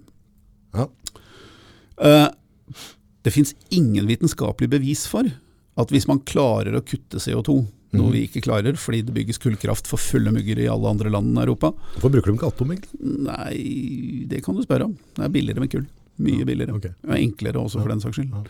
Uh, men hvis, uh, hvis vi klarer å kutte CO2, og det kommer ikke til å skje, uh, for det har ikke skjedd så, så langt, så er det ikke sikkert at temperaturen synker. Det, det er ingen som kan bevise noen ting, for du vet ikke hva sola vil finne på. Nei, nei, nei. Og siden klimaet har variert de siste 100-200 milliarder år og millioner år og, og flere milliarder år, så er det altså noe helt annet enn CO2 som vi slipper ut som styrer klimaendringene på jorden. Det er helt åpenbart. Eh, sola har, har, har en veldig kraftig påvirkning. Det er sånn, den, det må den ha siden den lager klima. Og, og så kan man si at skal vi virkelig bruke så mye penger og så mye innsats at det handlingslammer absolutt alt annet på å gjøre noe som kanskje virker. Hvor smart er det? Og det er veldig lite som tyder på at dette virker. Ikke bare det at eh, det er veldig lite som tyder på at det er CO2 som styrer eh, klimaendringene. Det er også veldig lite som tyder på at de mange klimatiltakene, som er svært kostbare, som strekker seg fra alt fra elektriske biler til å, til å bygge karbonlagringssystemer, at de faktisk klarer å fjerne CO2, at de faktisk klarer å, å fungere og elektrifisere samfunnet, at det faktisk vil hindre klimaendringer. Ingenting som det er, ikke, det er ikke begrunnet i det hele tatt. Dette er massesuggesjon. Det er en historie som blir fortalt fra myndighetene, som veldig mange mennesker tjener penger på. Og det er ikke noe konspirasjon. Fordi de, de samarbeider i full åpenhet. Det er ingen tvil om at Zero og Men Er verden så ond? det, ja. Det er ikke noe vondt med å tjene penger, det er fristende det. Altså, det, er ingen, det er ingen hemmelighet at myndighetene betaler Zero og Bjerknessenteret og NRK for å spre klimapanikk. Det er ikke noe hemmelighet det, det er bare å gå inn i budsjettet og titte. Det er ikke noe hemmelighet Er det det store summer, eller? ja, det er store summer. Er Bjerknessenteret jobber jo 100 mennesker eller noe sånt. nå. Det er ingen hemmelighet at vindkraftindustrien i Norge profitterer på statlige penger. Det er ikke noe hemmelighet, det. Det er ikke noe konspirasjon, det. Det er ikke noe konspirasjon å drive business og si hm, skal jeg, skal jeg drive og bore etter olje eh, for egen risiko og egen regning, eller skal jeg få masse penger fra staten for å lage vindkraft på toppen? Og så søker de konsesjon på å lage, ødelegge fjellene i Norge ute i skjærgården. Og så, og så selger de og trader disse konsesjonene rundt omkring til tyske interesser. Og så bygger de da, så sprenger de i hjel hele naturen i Norge. Har ikke tyskere sprengt Har du, noen gang, har du noen gang prøvd å sprenge en liten knaus på hytta di, eller? For å bygge utegrill? Vet du hva som skjer da, eller? Du ble, du, du ble død. Det ble dødsstraff i fire måneder, det. Det det da er det ikke måte på hvor dårlig menneske du er. Og så raserer de kvadratkilometer etter kvadratkilometer. Du får ikke lov til å sette opp en brygge på, på tomta di langs kysten, liksom? Var, og, Og det verste er at dette er på vegne av en industri som bare er på jakt etter profitt. De driter i om disse virker eller ikke. Det, det, det blåser vindkraftindustrien i. De bygger vindmøller fordi de har fått mandat til å gjøre det ut ifra klimahysteriet. Og Men det, mandat til å bygge, det, for dette pratet vi på sist gang vår her, og, Ja. og den, den, det har ikke festet seg ordentlig. Men hvis jeg forstod det rett da, så var dette, propella, Mhm. det var noe som ble avgjort, ikke i forrige års, det var avgjort for lang tid siden. Hvordan er dette skjedde? ja, det kan du lure på. Um, jeg har alltid trodd at det kanskje skjedde en liten konspirasjon der. Ja. Kanskje, kanskje, kanskje noen um, De første testene med vindkraft i Norge ble starta opp i 1997 på Frøya, så vidt jeg husker. 97. Ja. Eh, men uh, vindkraft har jo vært populært før det. Uh, altså Vindkraften startet jo fra 1980, eh, hvor man starta med store vindkraftutbygginger i USA. De varte, den bobla varte i fem år før de slapp å få offentlige penger, og så gikk alt konkurs. Og så har disse boblene de har gått i California flere ganger. De har, de har liksom, Hawaii ligger det en hel dunget av. ja, ja, ja. Dette er en internasjonal bransje. Jeg kaller det en snake oil-bransje, som sier at vi, skal, vi kan løse alle energiproblemer. Eh, så kommer de til nye land og får bygge masse, tar imot masse offentlige penger. Og når det viser seg at det ikke virker, så drar de til neste land. Og Tyskland har brukt 1000 milliarder euro på å bygge over 30 000 vindmøller. Og nå har vindkraftbransjen i Tyskland kollapsa. Men hvem, Dette- er det som, tar- hvem er det som skrev under på det? For- sånn det jeg ser da ut på sosiale medier, er at folk er ikke happy på det. Men hvem, Mm. Hvem er det som signerte kontrakta? Jo, dette skal vi gjøre her i Norge. Det var det Erna Solberg som gjorde, noen undertegna Parisavtalen. Erna? Ja. ja.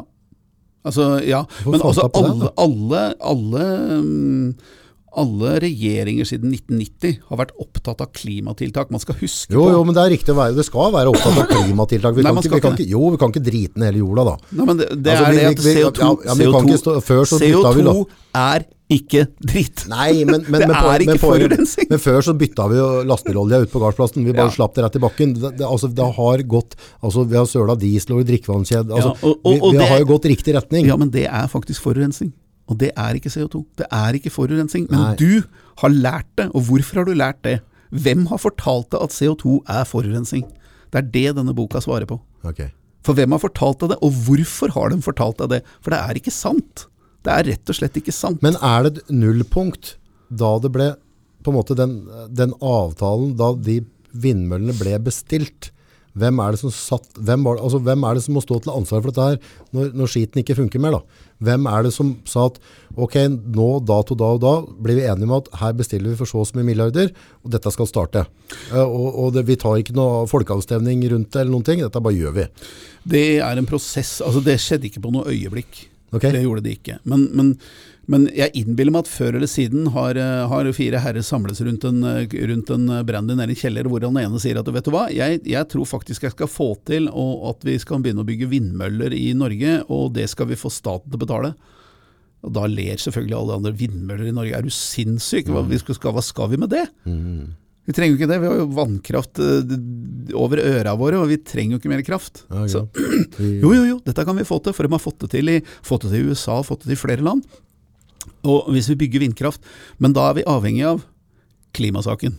For uten klimasaken, ingen vindmøller. Og her har faktisk norske motstanderne mot vindmøllene et kjempeproblem. Og det vil jeg bare si til folka i motvind. Hvis dere fortsetter å si ja til klimasaken, så har dere tapt vindmøllesaken.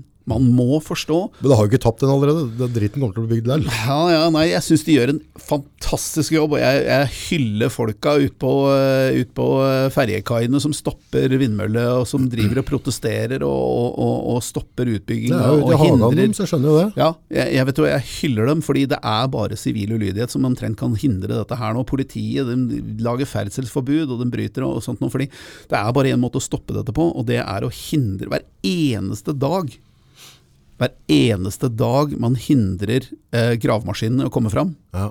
er en katastrofe. Fordi hvis man ikke har bygd ferdig vindparken innen 31.12.2021, så får du ikke subsidier.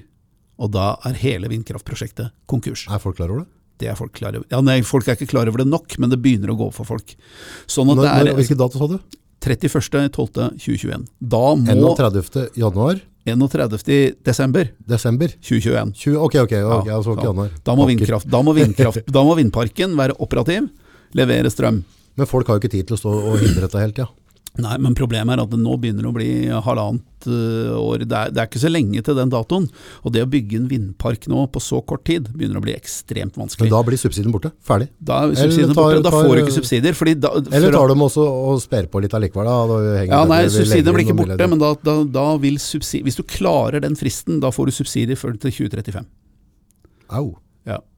Ja. Jeg tror det var 2035. Eh, I farten husker jeg det. Uh, så får folk korrigere meg hvis det er feil. Uh, og, og, og det er derfor vindkraftindustrien er så desperat etter å bygge fort. De må få det ferdig nå. Fordi Hvis de ikke rekker den fristen, så får de ikke Alle vet at vindkraft kan aldri gå med overskudd uten subsidier. Det er komplett umulig, det har aldri skjedd. 40 år med vindkraftbygging er helt enstydig. Empirien er soleklar. Dette, for det første For folk som ikke hørte på forrige podden, ja, Åssen Fortell litt i detaljer. Uh, USA, Australia, Danmark, Tyskland, England. Åssen gikk det der med vindmøllen? Altså, det, nå, nå, nå prater vi ikke mygg og, og faul som går inn i, vi prater økonomi. Funka Øko- det?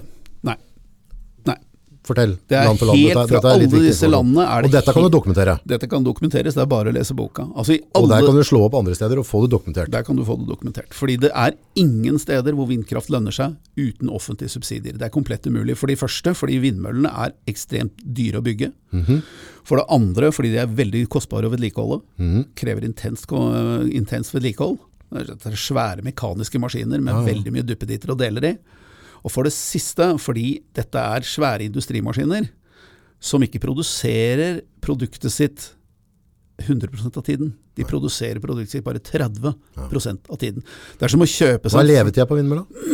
Ja, det, varierer, altså det er litt vanskelig å få ut av den bransjen. De sier at de varer, i 20 år, men det ser mer ut som det er 10-15 år. Si 20, da. Hvor lang tid er nedbetalingstida på det, tror du? Åh, jeg tror ikke det er nok. Altså, altså, nå, nå må man selvfølgelig huske på at innenfor økonomi så er det sånn at alt lønner seg. Hvis du bare tar høyt nok betalt. Ja, ja. ja. Ja? Det er jo ikke noe problem å få ting til å lønne seg hvis du tar 10 kroner kilowattimen. Da vil det sikkert lønne seg. Og det er jo det disse svindlerne som driver og bygger vindmøller sier, at ja, men det kommer til å lønne seg. Ja, og der har vi Ja. argument. Åssen gikk det med strømprisen i Australia egentlig? Å? Jesus Jensen. Australia er en veldig interessant sak. Jeg har en svær sak om det her, sånn, fordi Australia er en, det er en øy. Kenguruland. Det er kenguruland, digert kontinent, som levde av kullkraft. De hadde bitte litt grann tungkraft, men de har så jævlig med kull, så de, de, de kjører. Kjører de, hadde, de hadde et perfekt fungerende eh, energinett, som leverte billig strøm. Men køl, det spyr jo litt dritt opp i lufta. Ja, det spyr mye dritt opp i lufta, men det blir rensa aller mest av røyken, bortsett fra CO2. Okay. CO2 er ikke dritt, CO2 er plantenæring. Mm. Det er helt ufarlig.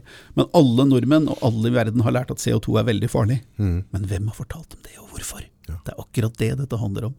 Og det er det den boka handler om. Fordi det er veldig nyttig for eliten, og for de som vil tjene penger, å ha klimahysteri. Men uh, de bygde dette, så, så var det selvfølgelig noen uh, grønne politikere i Australia som fant ut at CO2 er veldig farlig, for det hadde de lært.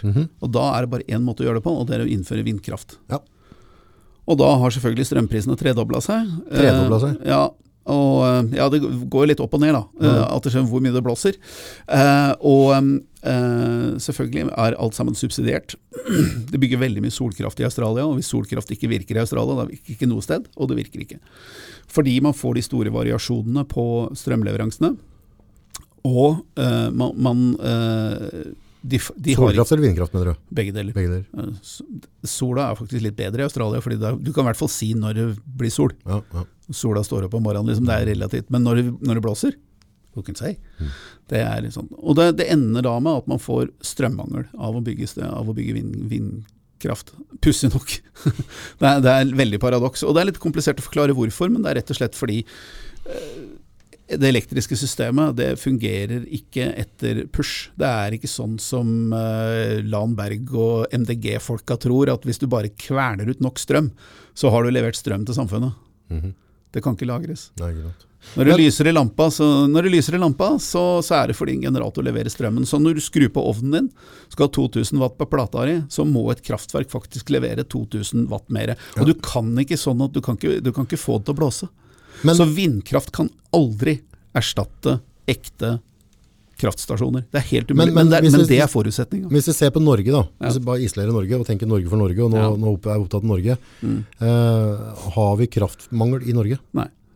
Vi har jo kraftoverskudd som varierer mellom 20 og mellom 0 og 20 terawatt. Så det sier meg ingenting, men sikkert mye strøm. Veldig, veldig mye. Ikke ta på det, da blir det grill. Da blir det grill. Men, eh, men det vil si altså at per i dag i Norge, uten vindmøller, Ja. så har vi mer strøm enn det vi bruker. Ja, det har vi. Så, så vi bygger ikke vindkraft. Og, og den strømmen vi har, den er jo så grønn som kan få det, for det er vann, ikke sant? Ja. så den, og den er allerede gjort. Skaden er gjort. Vi har grevet det. Den, den ligger der. ja. Selv, om, selv om vi må være enige om, vi kan kanskje i ettertid være enige om at det er penere med en kunstig innsjø enn vindkraft Jo, oppover jo, ja, fjelltopp. jo litt inn, Men- men, men, men så, saken så, så, vi bygger ikke vindmøller for meg og deg?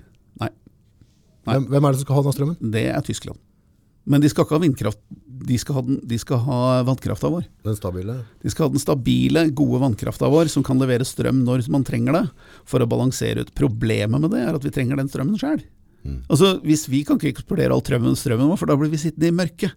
Og I tillegg så skal vi du skjønner, vi må elektrifisere samfunnet. Fordi klimasaken sier at man må elektrifisere et helt samfunn. Alt skal gå på elektrisitet. Derfor får du ikke lov av oljefyr lenger. Sånn at du kan velge hva som er billigst. Ja, for det- strøm ja, det stemmer, ja, det Nei, grav opp, alt. Alt skal gå på strøm. Ja, men det er jeg jo litt enig i. Altså, Ja. Hvorfor skal det brenne så mye olje? Men hvorfor kunne vi ikke satsa mer på atom, da? Nei, atomkraft, vi har ikke bruk for det her i Norge. Vi kan bygge ut mer vannkraft. Vi, Ja, vi kan, vi, vi verdensbasis. kan for, vi kan Kunne ikke, kunne ikke tyskere smelte på et atomkraftverk istedenfor at vi skal stille vindmøller på hele kysten vår? Frankrike gjør det nå. Gjør det. Mens Tyskland de har, de har fornyet, begynt å fornye Vi får ikke lov til å drive atom, sikkert. Tyskland har akkurat åpna nytt eh, kullkraftverk, i Datteln 4, okay. som skal erstatte de gamle eh, kullkraftverkene, selv om Tyskland har vedtatt at kullkraft skal avvikles innen 2030 2020 Nei, nå var det igjen? Eh, Nå skal jeg ikke si noe feil. Gjør det, for da, skjer det litt i 20, Jeg tror det er 2030 eller 2035. Kom igjen da, folkens, ta den nå, hvis den sa noe feil. ja, det sier sikkert noe feil. Men det skal, avvikles, skal vi ikke høre på det skal avvikles ganske fort. Og problemet er at nå har man bygd alle disse vindmøllene og alle disse greiene, og, og ja CO2-utslippene går litt grann ned, men Tyskland er nøyaktig like avhengig av fossilkraft som før. Nøyaktig, det virker ikke. Det har aldri hatt evne til å virke. Ikke bare det, men i tillegg så åpner nå Tyskland snart den nye, nye gassledningen direkte til Russland for å importere gass. Så altså den tysk... var, det tyske ikke, var det ikke den Trump sa et eller annet på? Jeg lurer på om han, uh, onkel Jens var der, ja. Men uh, det var i hvert fall et eller annet forhold til med NATO og rusting og sånne ting. Og så er det bare, de mener at USA skal være med ruste opp på ditt og datt, og så henter dere kraften deres fra Ja. den sovende bjørnen. Altså, Den sovende det, altså, ja. Hvis den bare skrur av gasskrana, så Altså, er det, ikke- er ferdig. Og så, me, og så at vi, vi skal stå her og beskytte det, og så, og så inngår du en avtale med, med Altså Europa, Europa har alltid vært et kjempeproblem, det er sånn, fordi Europa er det eneste kontinentet i verden som har energimangel. Altså Vi har ikke energiressurser nok forutenom kull. Sånn at Europa har alltid vært avhengig av, av import av, av, av energi, energi. Og det er jo dette som også kanskje har vært en del av, av grunnen til at Tyskland har vært så innmari på å bygge vindmøller. Fordi man skal løse det problemet. Men vindkraft kan ikke erstatte ekte kraftverk. Det er ikke mulig med dagens teknologi. Altså Dette er Mikke Mus-teknologi. Ja, men- det, det er rett og slett Ja, men det, det er da så mye glupe tekniske folk.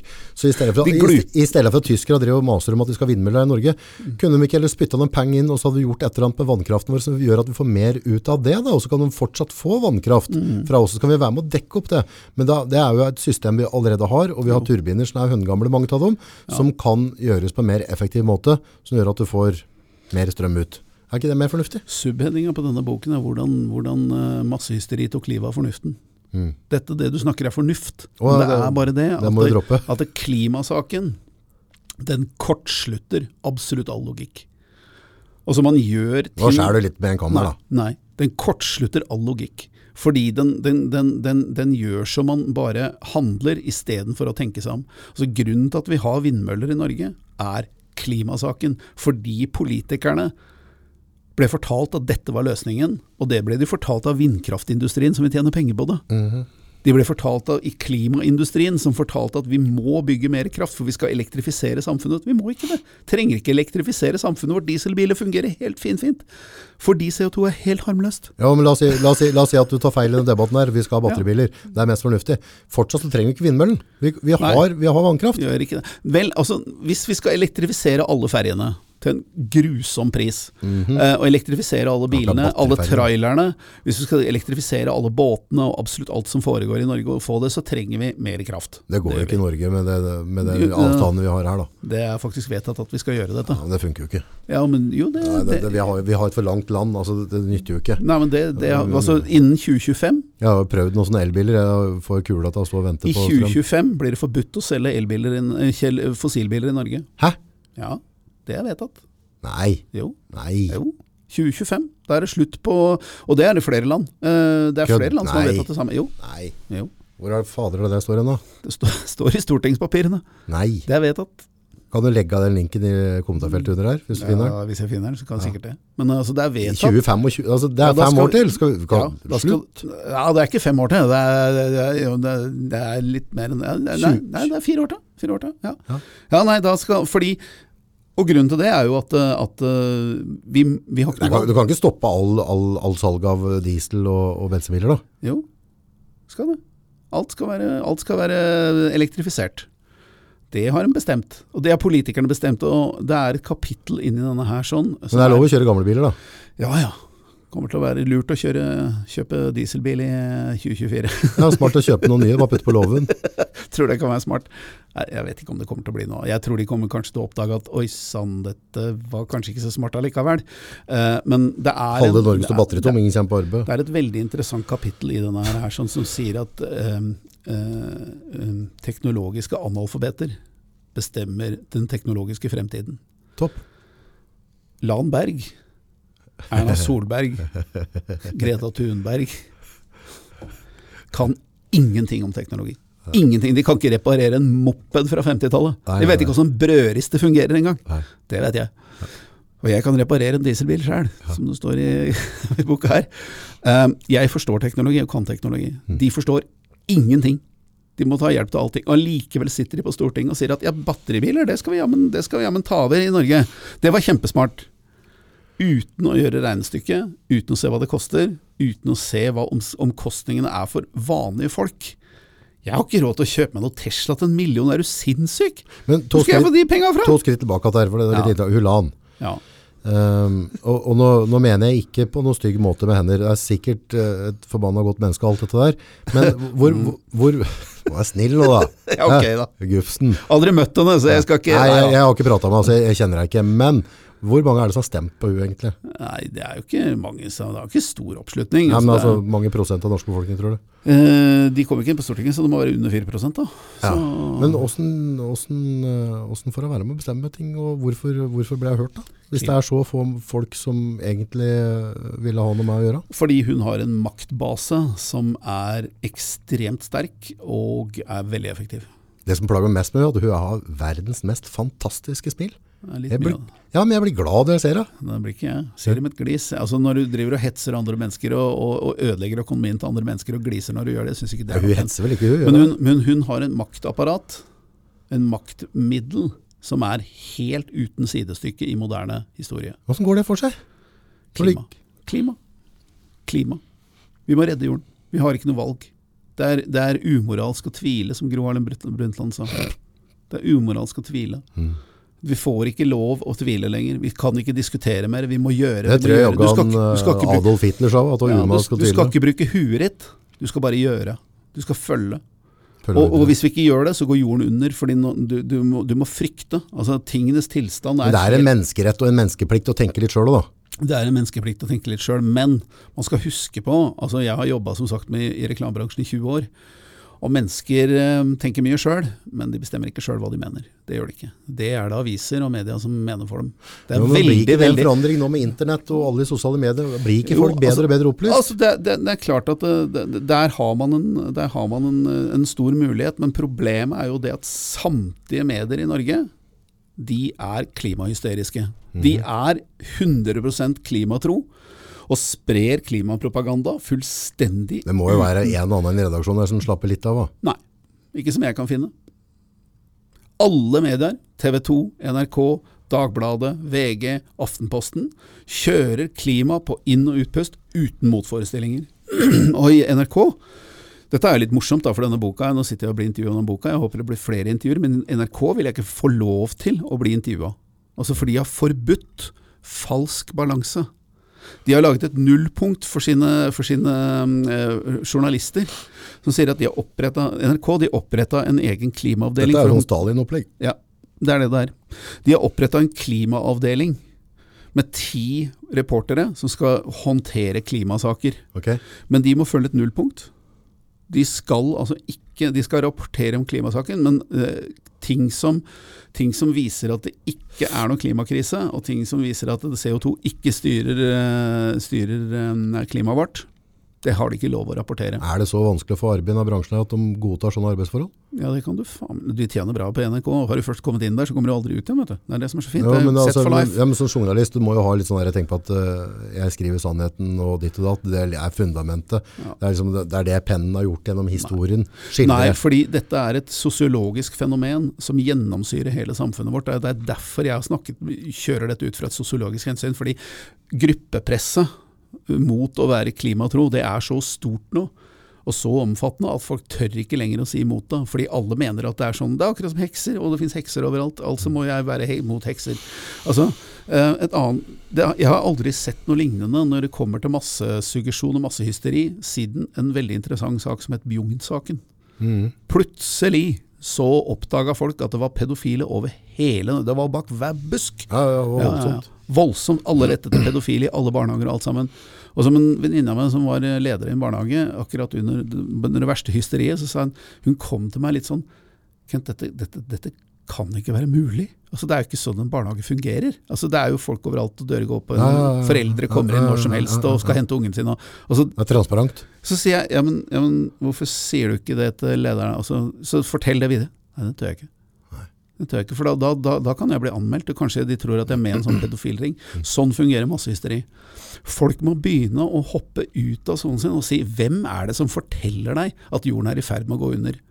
Jo, det er Al Gore, og så er det Gro Harlem Brundtland og disse menneskene som tjener mye penger på å fortelle deg at jorden går under. Problemet er at er det egentlig sant? Og hvis du begynner å grave Men Gro er ikke pensjonert, da? Jo da, men hun, det var noe, hva, hva hun sa? Vi er i ferd med å miste kontrollen over hva folk blir fortalt. Hun har ikke sagt det. Jo, Nei, jo, det er dårlig. Det er dårlig, Gro. Kan ikke si det, vet du. sa det. Sa det. Og det er jo, det er jo fordi da last words. Men altså, hvis man da hvis man, hvis man er en helt vanlig norsk borger og tenker at eh, ja, men eh, jeg skal, nå skal jeg se på følge nyhetene, og, og, og så ser du på NRK, leser Aftenposten og VG og Dagbladet, så får du ikke noe, du får ikke noe klimainnsikt. Du får bare én historie. Jorden er i ferd med å gå under, vi er nødt til å kutte CO2, og det kommer til å koste, og vi må bygge vindmøller. Det er hele narrativet. Og det å gå utenfor den konsensusen der sånn, det er veldig vanskelig. Spør meg om Ibsen. Spør meg om Ibsen. Ibsen. Ibsen. Ja, hva med han? Henrik Ibsen. Ja, han forfatter, er det ikke? Han er forfatter. Han er Norges første rock'n'roller. Ok, Ja. rocka? Ja, jeg elsker Ibsen. Vet Ja. du hva? Han levde, eh, han levde jo på 1800 1800-tallet og skrev eh, En folkefiende i 1882, hvis jeg ikke tar så feil. Eh, så En skrev han ja. En folkefiende. Og det stykket der sånn, det burde alle mennesker lese. Ok, Ja. Fordi det handler da om eh, denne lille byen som eh, skal ha et kurbad. Et vi skal lage et, et kurbad. Det. Et kurbad, det er sånn, De hadde det på 1800-tallet. Da var det Du dro til et kurbad for å bade og bli, få god helse. Okay, ok, ok, Ja. Og Så oppdager doktor Stockmann Han oppdager at uh, det er noe galt med vannet. Mhm. Folk som drar fra dette fasiliteten, de blir faktisk sjukere. Okay. Ja, så han tar prøver av vannet. Og så ser han at prøvene av vannet viser at sånt noe. Problemet er at da tenker man selvfølgelig at ja, men når du viser at det er noe feil med vannet, så kan, må man jo stenge kurbadet. jo jo. Ja, men da kommer politikken inn. Fordi alle penga, alle penga, all prestisjen Er det sann historie. Ja.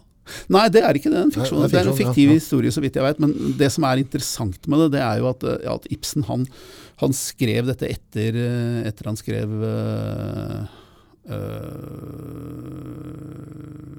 De Nei, nå husker jeg ikke farta. Men han, han var jo allerede en veldig kontroversiell forfatter på den tida. Så han dro på litt. Han dro på litt. Han sa det. han. Han sa det som var ulovlig. Altså Villanden skrev han jo etter en folkefiende. Og, og eh, han var kontroversiell allerede da, og han ville vise hvordan, hvordan eh, flertallet aldri har rett. Flertallet har aldri rett. Fordi flertallet er. Er, flertallet er ofte konformt og styrt av konformitet og av sosialt press. Eh, så han, og Hvis man skal se en moderne versjon av, eh, av en folkefiende, så skal man se 'Haisommer' Okay. Det er nemlig inspirert av en folkefiende. Ja. Det er akkurat det samme historien, egentlig. Ja. Ja, men det er en hai der ute. Ja, men Vi kan ikke snakke om den haien der ute, Fordi da, da taper vi masse penger. Og dessuten så har vi lagt all vår prestisje i denne turistsesongen, så må ikke du lage bråk. Mm. Men det er ingen klimakrise. CO2 styrer ikke klima. Nå var du klimafornekter. Ja, jeg har det. Nei, altså Og én ting kan jeg si med helt 100% sikkerhet. Klima kommer til å forandre seg. Uansett hva vi gjør. Og det er ingen, vi, kan, vi kan ikke styre det, kan ikke kontrollere det. Vi kan bare brace, brace og håpe at det går bra. Liksom. Så, så Ibsen er en veldig, veldig tøff mann uh, som, som, uh, som viser hvordan Og når politikerne sier at 97% av alle vitenskapsfolkene er enig. Okay. Det har du hørt.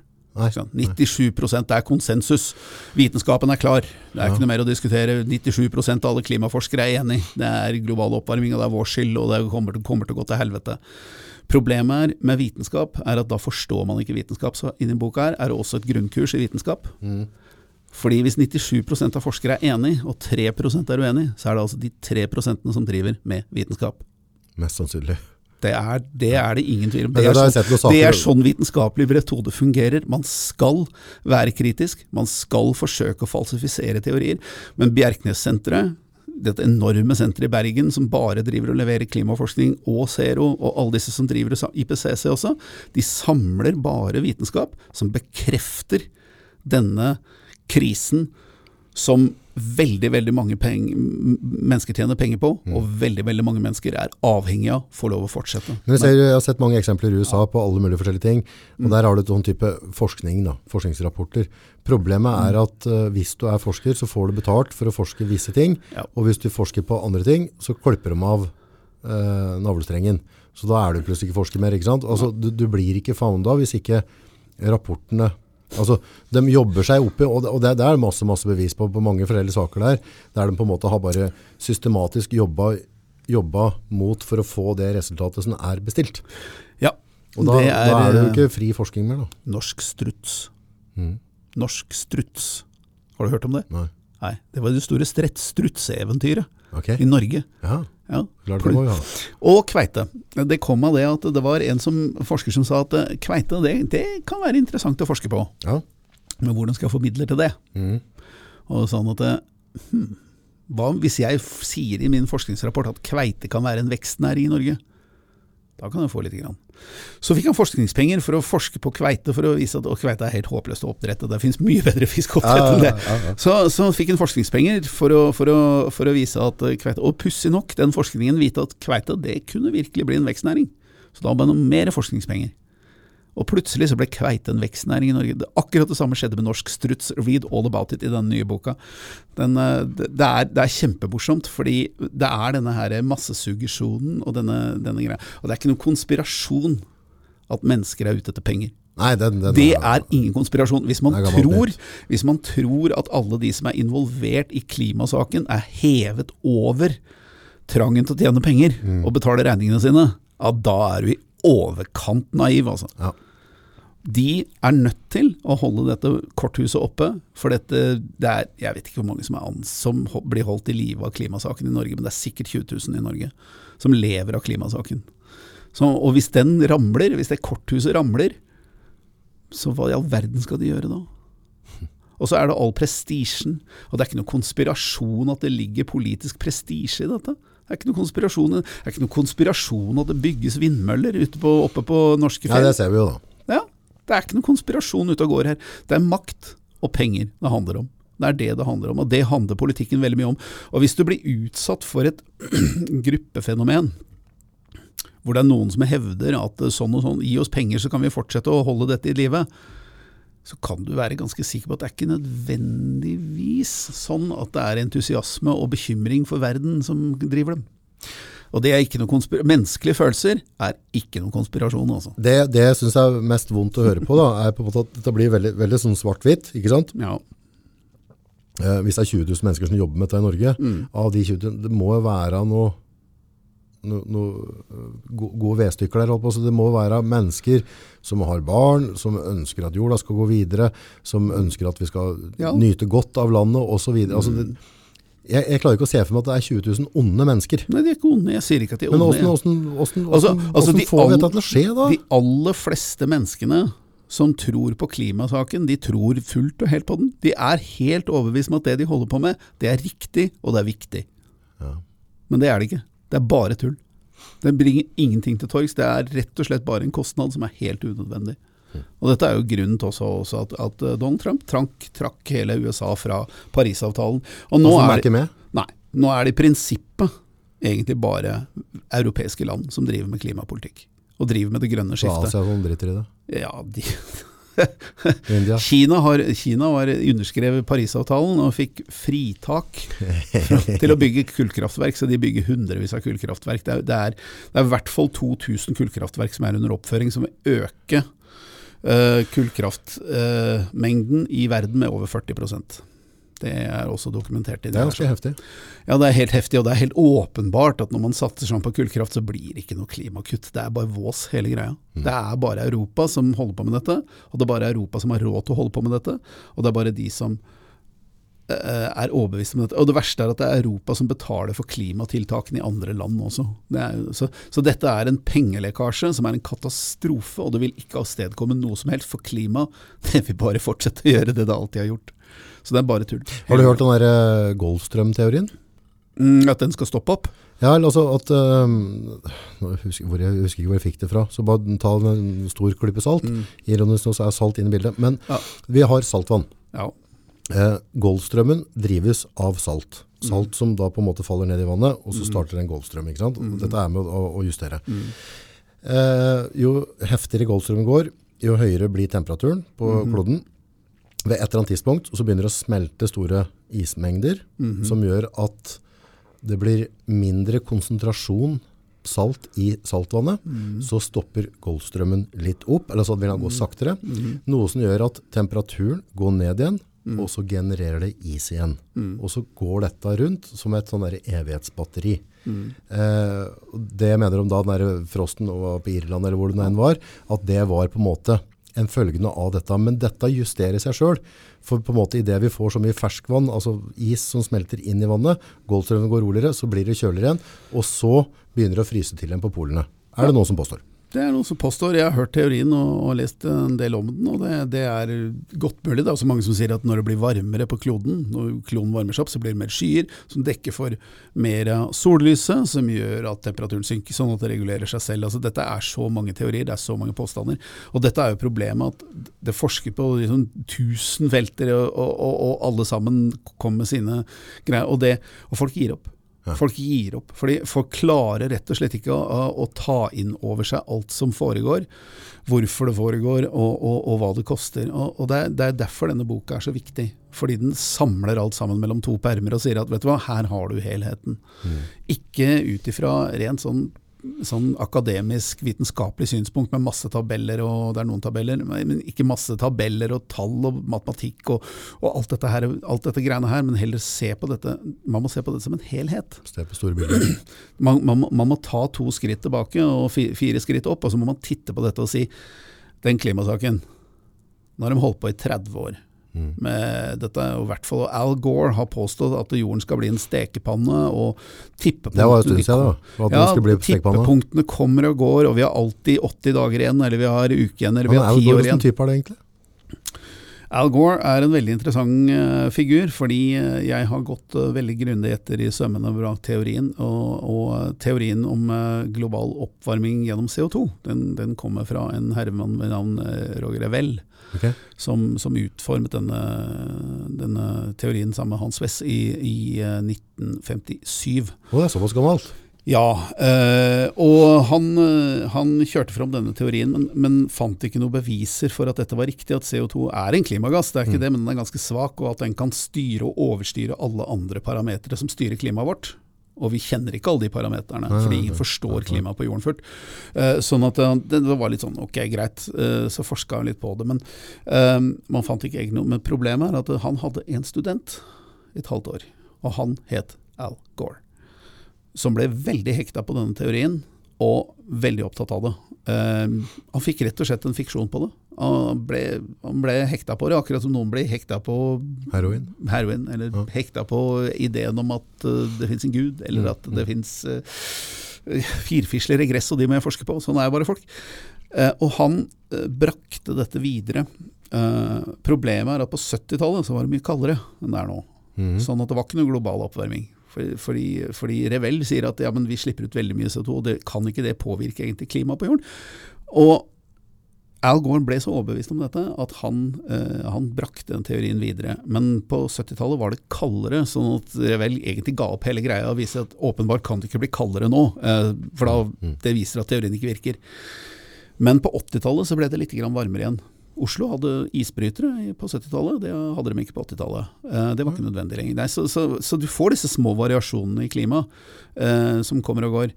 Og da slo Al Gore til, samtidig som han ble politiker. Okay. Og han brakte dette da inn i, i de politiske kretsene og begynte å finansiere da klimaforskning som skulle bevise denne her, her i den grad at Revel selv sa at du, Al, det Al Gore holder på med nå, det syns jeg kanskje ikke er så smart. Fordi det er ikke noe beviser for denne teorien jeg kom med. Um, og, og, da, og etter hvert så ble det da opprettet disse her instrumentene som, som, som IPCC, som, som skal samle all forskningen, og så blir dette større og større og større, og ingen steder er det noen som slår på bremsen og sier at stopp litt nå. Stopp litt nå. Denne teorien er ikke bevist. Det er ikke bevist at selv om vi kutter CO2, så går temperaturen ned. Det er ingenting som beviser det. Det er heller ingenting som beviser at det kan redde klimaet eller stabilisere det på noen måte. Det er bare, det er bare vrøvl.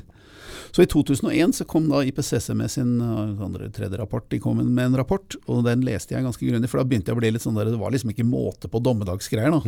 Og jeg har alltid vært opptatt av religion. Mm. Syns alltid religion er veldig spennende. Eh, og og da, da, da ble jeg klimaskeptisk. Da jeg leste IPCCs egen rapport, da ble jeg klimaskeptisk. Det var ikke oljeindustrien som eh, Fordi det er jo ofte med oss klima, klimafornektere at vi er sponset av oljeindustrien. Ja, ja, ja. Jeg har ikke sett Jeg ser i postkassa mi hver dag tenker er det noen feite millioner her fra Skjer. Det skjer ikke, vet du. Jeg har ikke blitt noen millioner ennå. Så, så, mm, så det var IPCC selv som gjorde meg klimaskeptisk, fordi vitenskapen der jeg har alltid vært opptatt av astronomi også, så jeg er veldig sånn vitenskapelig, liker, liker vitenskap. Jeg har ikke noen formell utdannelse, men jeg kan, jeg, jeg kan finne, Mars-tre på himmelen, altså, hvis, Ja. det, hvis du vil. Eh, så da, da, da, da syns jeg rett og slett at den derre summary for, for, eh, for eh, decision makers som kom fra IPCC, it didn't make no sense. Dette, dette gir ingen mening. Dette er ikke forskning, dette er ikke vitenskap, etter min mening. Og da begynte jeg å, å, å skrive en del om det og sånt noe. Så, så jeg har vært eh, klimafornekter i hvert fall 20 år. Og publiserte vel de første artiklene om det i 2009. Så på min egen blogg. Sterke argumenter, altså hvis uh, dem som mener at du er en klimafornekter og det du prater på er kokos, har du noen argumenter til dem som kan få tygge på? Ja, vær så god. 350 sider. 350. Og du kan ikke plukke ut enkelte ting og si å, det der det tallet der er en kommafeil, eller å nei, du, du, da, du har skrevet feil navn der. Men har du noen, har du noen sånn. clear- clear cut case du kan bare si Nei, altså det er, det er det som er altså Klimasaken er, kan ikke stoppes med et faktum. Det er helt umulig. Klimasaken er et sosiologisk og psykologisk, massepsykologisk fenomen, Ja, og kan, må bare stoppes med makt. ja. Og det eneste som vil ha bruke den makta, det er folket. Det fins ingen andre som kan stoppe dette, for politikerne tjener på det, vindkraftfolka tjener på det, ja tjener på det. Politikerne kan jo ikke få penger i baklomma, kan de det? De får, er- ikke det sånn opp til ligninga? masse popularitet ut av det, og så er det litt grann vennetjenester, og så er det litt ditt og datt. Og alle politikerne de har først og fremst lagt all sin prestisje i det. Tenk hvordan Erna Solberg blir seende ut hvis plutselig klimasaken Det står i VG 'Klimasaken er avlyst'. Alle tok feil! Ja, ja. Ja, men da, da, da, Alt var gærent. ja, men da hadde jeg stemt på, for det første ærlige politikerne jeg har blitt, som bare sier at ok, nå, her har vi bomma. Ja, men Da, hun ville ikke, vil ikke sagt det, vet du. Nei, men hadde jeg gjort det, så vil hadde jeg øket i grad da, mot meg. Vet du hva? Hadde, hadde, hadde fakta påvirket politikerne, så ville klimasaken vært over for 20 år siden. Ja. Men fakta virker ikke. Altså, vindkraften har kollapsa. Vindkraftbyggingen og industrien i Tyskland har kollapset. Det, er nå, nå, nå, det er bevist, liksom. Det, ja, ja, ja. Altså ZDF, altså det tyske NRK, Ja. de lagde akkurat de, for bare, jeg tror det var den åttende, så la de ut en, en film som, som, eh, som var egentlig, eh, hva skal vi si, promoterte den tyske vindkraftindustrien og sa til politikerne nå må dere ta dere sammen, fordi nå er det skikkelig Vi har mista 40 000 arbeidsplasser i tysk vindkraftindustri. Ja. Alt er, vi bygger færre vindmøller enn det vi setter opp nå, og alt er ødelagt fordi man har fått en 1000-metersregel. Du kan ikke sette opp vindkraft nærmere enn 1000 meter. Og, og da er det ikke noen steder igjen i, i, i, i Tyskland å bygge vindkraft. Okay. Uh, så hele greia har kollapsa, og så sier de at vi må fortsette med det, fortsette. Men grunnen til at uh, tyskerne kommer hit, det er jo det at det har kollapsa i Tyskland. Det, altså De skal spre dette problemet utover, selv om tallene fra Tyskland er helt entydige. Vindkraft virker ikke. Det kan ikke erstatte vanlige, eh, vanlige kraftverk. Det er ikke mulig. Ja, men jeg fatter ikke hvis det er så klart og enkelt at, at vi kan bli med på dette her. Jeg, jeg, jeg klarer ikke å få pakka huet mitt rundt det. Massesuggesjon. Ren massesuggesjon. Fordi når alle tror på en ting, så tror alle at det er sant. Og når alle tror på en lærer jo unga på skolen alt. du. Ja, altså, ja, altså dette er tatt, dette er jo, er jo bærekraft tatt inn i den nye læreplanen og allting. Fordi altså, dette Bærekraft er gjennomsyrer det, det gjennomsyrer absolutt alt. Klimasaken gjennomsyrer all politikk i Norge. Den har tatt over, den har tatt over alt politikk i Norge, både, både energipolitikken og, og miljøpolitikken, og absolutt alt er styrt av klimamål og Parisavtalen. Altså Folk skjønner ikke hvor gigantisk dette egentlig er. Altså Vi har ikke lenger i praksis noen innenrikspolitikk i Norge. All politikk i Norge er utenrikspolitikk drevet av klimapolitikk. Alt sammen. Alle ting som gjøres, rettes mot klima. Enten du skal bygge hytte, eller, om du skal, eller om du skal sprenge vestlandske fjell i småbiter for å bygge industri. Alt sammen er styrt av klimapolitikk. Og som jeg også sagt, det store problemet her er at miljøvernorganisasjonene har vært med på dette. De har vært like opptatt av klimapolitikk, og fremme den. Og Han derre krøllete fyren som var hang før. Hauge? Ja, er, Ja. Hvor står han ennå? Nei, det veit ikke hvordan han står hen nå, men jeg veit i hvert fall at Kurt Oddekalv i Norges Miljøvernforbund, er han har vært mot vindmøller i 15 år. Fordi han forstår hva vindmøller gjør, hvordan de fungerer. Han forstår teknologien bak. Og da når du forstår teknologien bak, så forstår du også hvorfor dette ikke fungerer. Så, så, så Han har vært kildeklar og krystallklar på dette, men problemet er at alle andre miljøvernorganisasjoner i Norge de har villet ha mer klimapolitikk, mer klimapolitikk, mer klimapolitikk, selv om det går utover vanlig miljøvernpolitikk. Det som er viktig. Og det har gjort at klimaet har tatt over alt sammen. Og nå sitter de fanga fordi resultatet av klimapolitikken, det er ødelagt natur. Og hva skal de gjøre da? De har lagt all sin prestisje i denne klimaet. Så det de gjør nå, det er å si at nei, vindmøller det vil vi ikke ha, det kan være ute på havet, det kan være et annet sted, så det er fælt. Men vi skal fortsatt ha klimapolitikk, altså. Og du vet, sier du ja til klimapolitikk, så sier du ja til vindmøller. For vindmøller er løsningen. Hele det grønne skiftet er basert på vindkraft. Det, er ikke noe, det finnes ikke noen alternativer til det. Man hadde bio, men det funka ikke så veldig bra. Så har man solkraft, men det blir jo latterlig her i Norge. Eh, eh, så da står det igjen med vindkraft og noe annen energiteknologi. Noe annen Vannkraft har glemt, det som eksisterer ikke. Nei, vi ser, at, vi, ser at, vi ser at Ja, men Tyskland kan ikke lage det, for det har ikke, har ikke noe fjell. Det er paddeflatt. Ikke? Hvor skal du få vannkrafta fra? Ja, hva har vi med Tyskland å gjøre? Nei, som sagt EU. Vi er jo et EU-land, ikke sant. Ja, det det, er EU som presser oss til å bygge, bygge Det EU-greiene det syns jeg er ufattelig. Ja, det er nesten ufattelig. Vi Det stemte imot egentlig, gjorde vi ikke det? Ja, det vil si to eh, ganger, var det ikke det? To ganger, og da fant Gro Harlem Brundtland ut at eh, nei, folket tar feil, så jeg fører oss inn i EØS. Så vi har EØS-avtalen, som i praksis er en, er en medlemsgreie. Vi måtte vel være med på noe, ellers hadde de knekt nakken vår. Eh, jo, men det er åpenbart at dette er en slavekontrakt som gjør Norge til Europas lille bitch. Mm. Og det, vi, er, vi er i realiteten en bananrepublikk under EU. Og hvorfor i all verden er vi det? Jo, fordi vi har en statsminister som er globalist, som tenker på det globale, istedenfor å si du, hva er best for Iversen, som bor i Brumunddal, hva er best for han? Har han Får han noe ut av disse klimagreiene? Får han noe igjen for det? Mm. Ingenting. Bare kostnader. Kostnader, kostnader, avgifter, skatter og kostnader. Og det er alt vi sitter igjen med. Og hvor er denne klimakrisa? Hvis du ser ut av vinduet, hvis du har bodd på samme sted i 70 år, hvor er den klimakrisa? Og hvis du spør en klimaforsker om det, så er den aldri der du bor. Den er alltid et annet sted. Den er alltid på Grønland. Eller så er den i dyphavet. Eller så er den på Nordpolen eller Sydpolen. Eller så er den oppe i stratosfæren. Det er alltid et annet sted. Eller inni huet på en politiker. Der er klimakrisa. Men hvis du, hvis du sier Nå går jeg rundt i nærmiljøet jeg har bodd der i 70 år, jeg, og jeg ser ikke noen forskjell. Hvor er klimakrisa hen? Det er alltid et annet sted. Det er ikke her. Det er der. Der borte. Der borte på en øy du aldri har hørt om. Nubeleblu, som ligger ute i Stillehavet. Der holder folk på å drukne! Ja. Det er bare tull. Bullshit. Bare pissprat. De har ingenting å komme med. Men alle skal få panikk. Så vi løper rundt og tenker at nei, nå, nå, nå, nå, nå er det rett før jorden går under. Og så må jeg skremme unga mine og si at vet du hva nå, lille venn, nå kan du sove urolig i natt, for nå er det rett før vi dør! Bare tull. Vi kan ikke ha det. Det er så trist. Fordi ting går egentlig veldig, veldig bra. Og, og disse vindkraftfolka, de vindkraftfolka, de ler hele veien til banken. Det har de gjort siden 1980.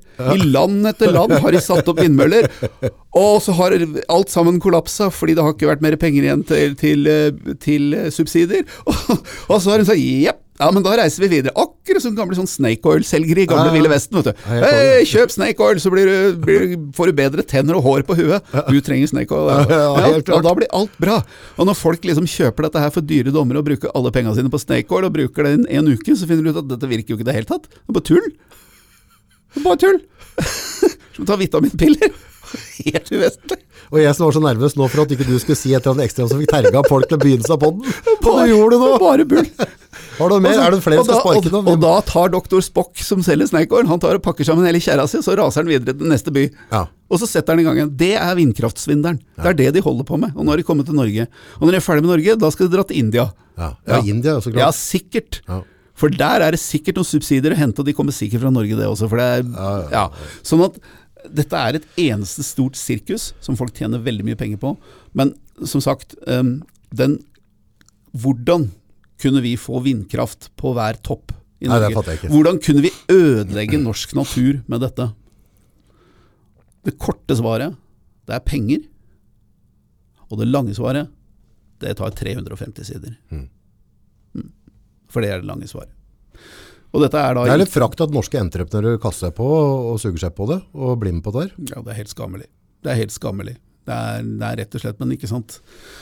Penger er så viktig, og regninger skal betales. Så det er klart at uh, de sier jo ofte at uh, hvis, ikke jeg, hvis ikke jeg tar oppdraget og tjener en dullion, så kommer noen andre og tar oppdraget og teller en dullion, og jeg vil heller ha penga, jeg. Og sånn er det.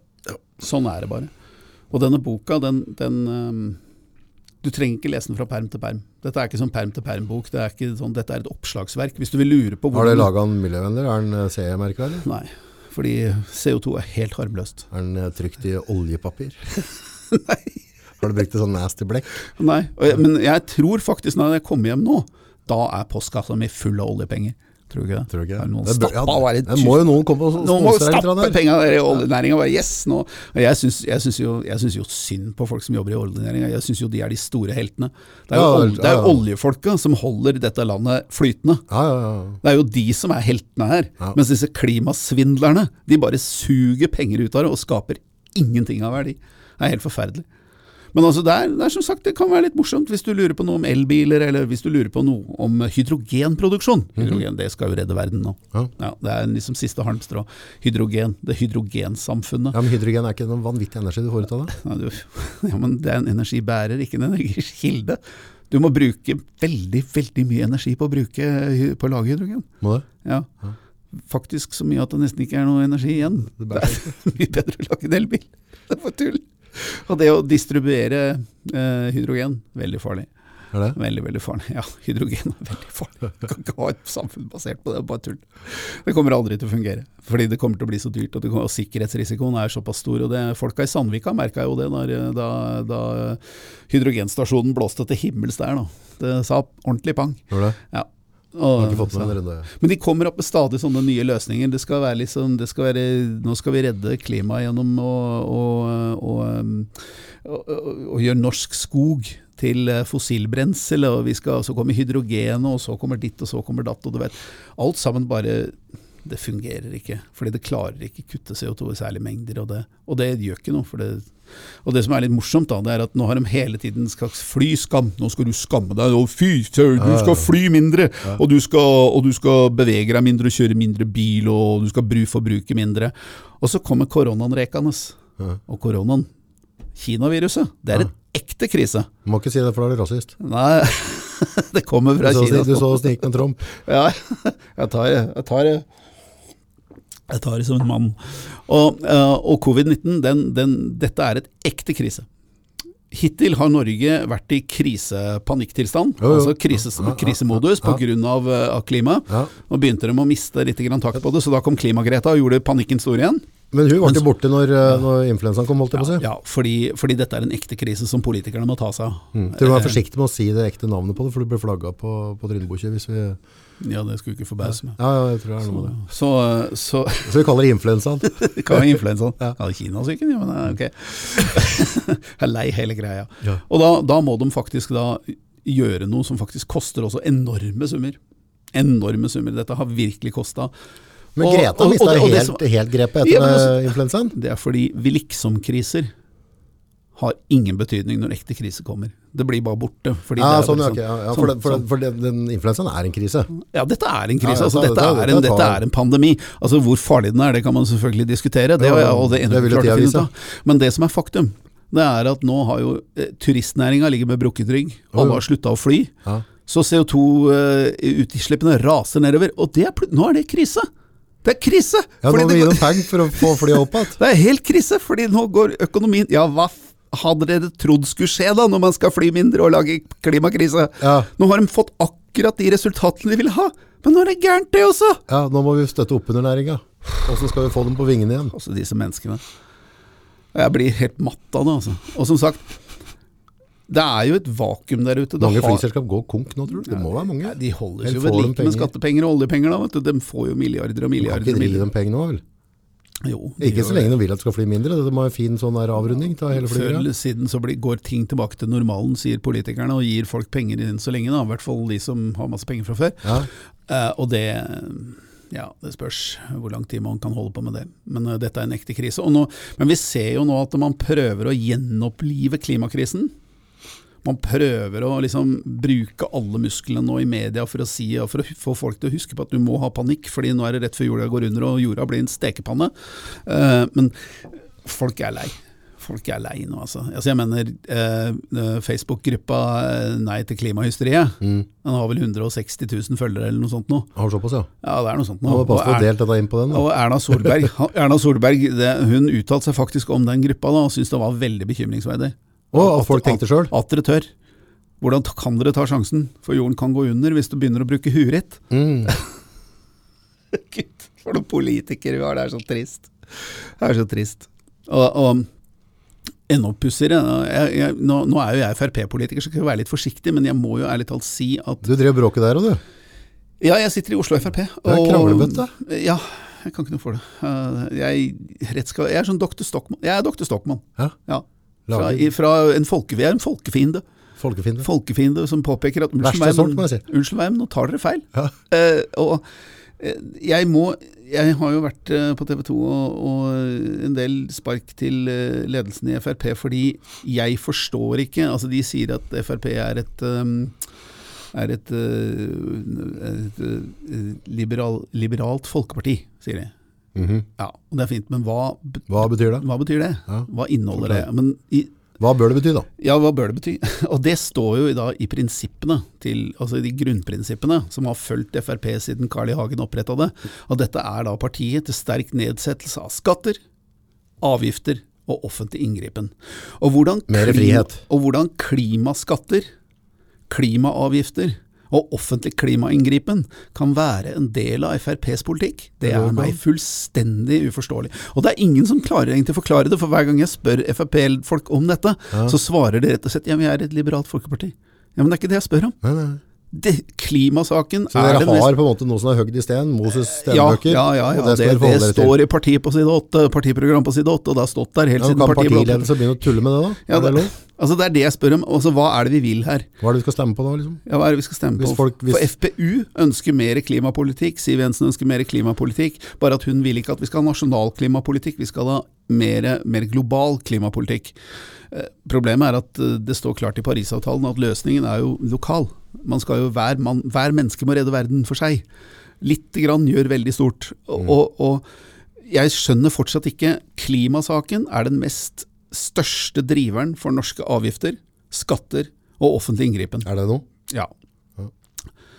Det er det definitivt. Sjekk strømregninga di. Sjekk den posten som heter nettleie.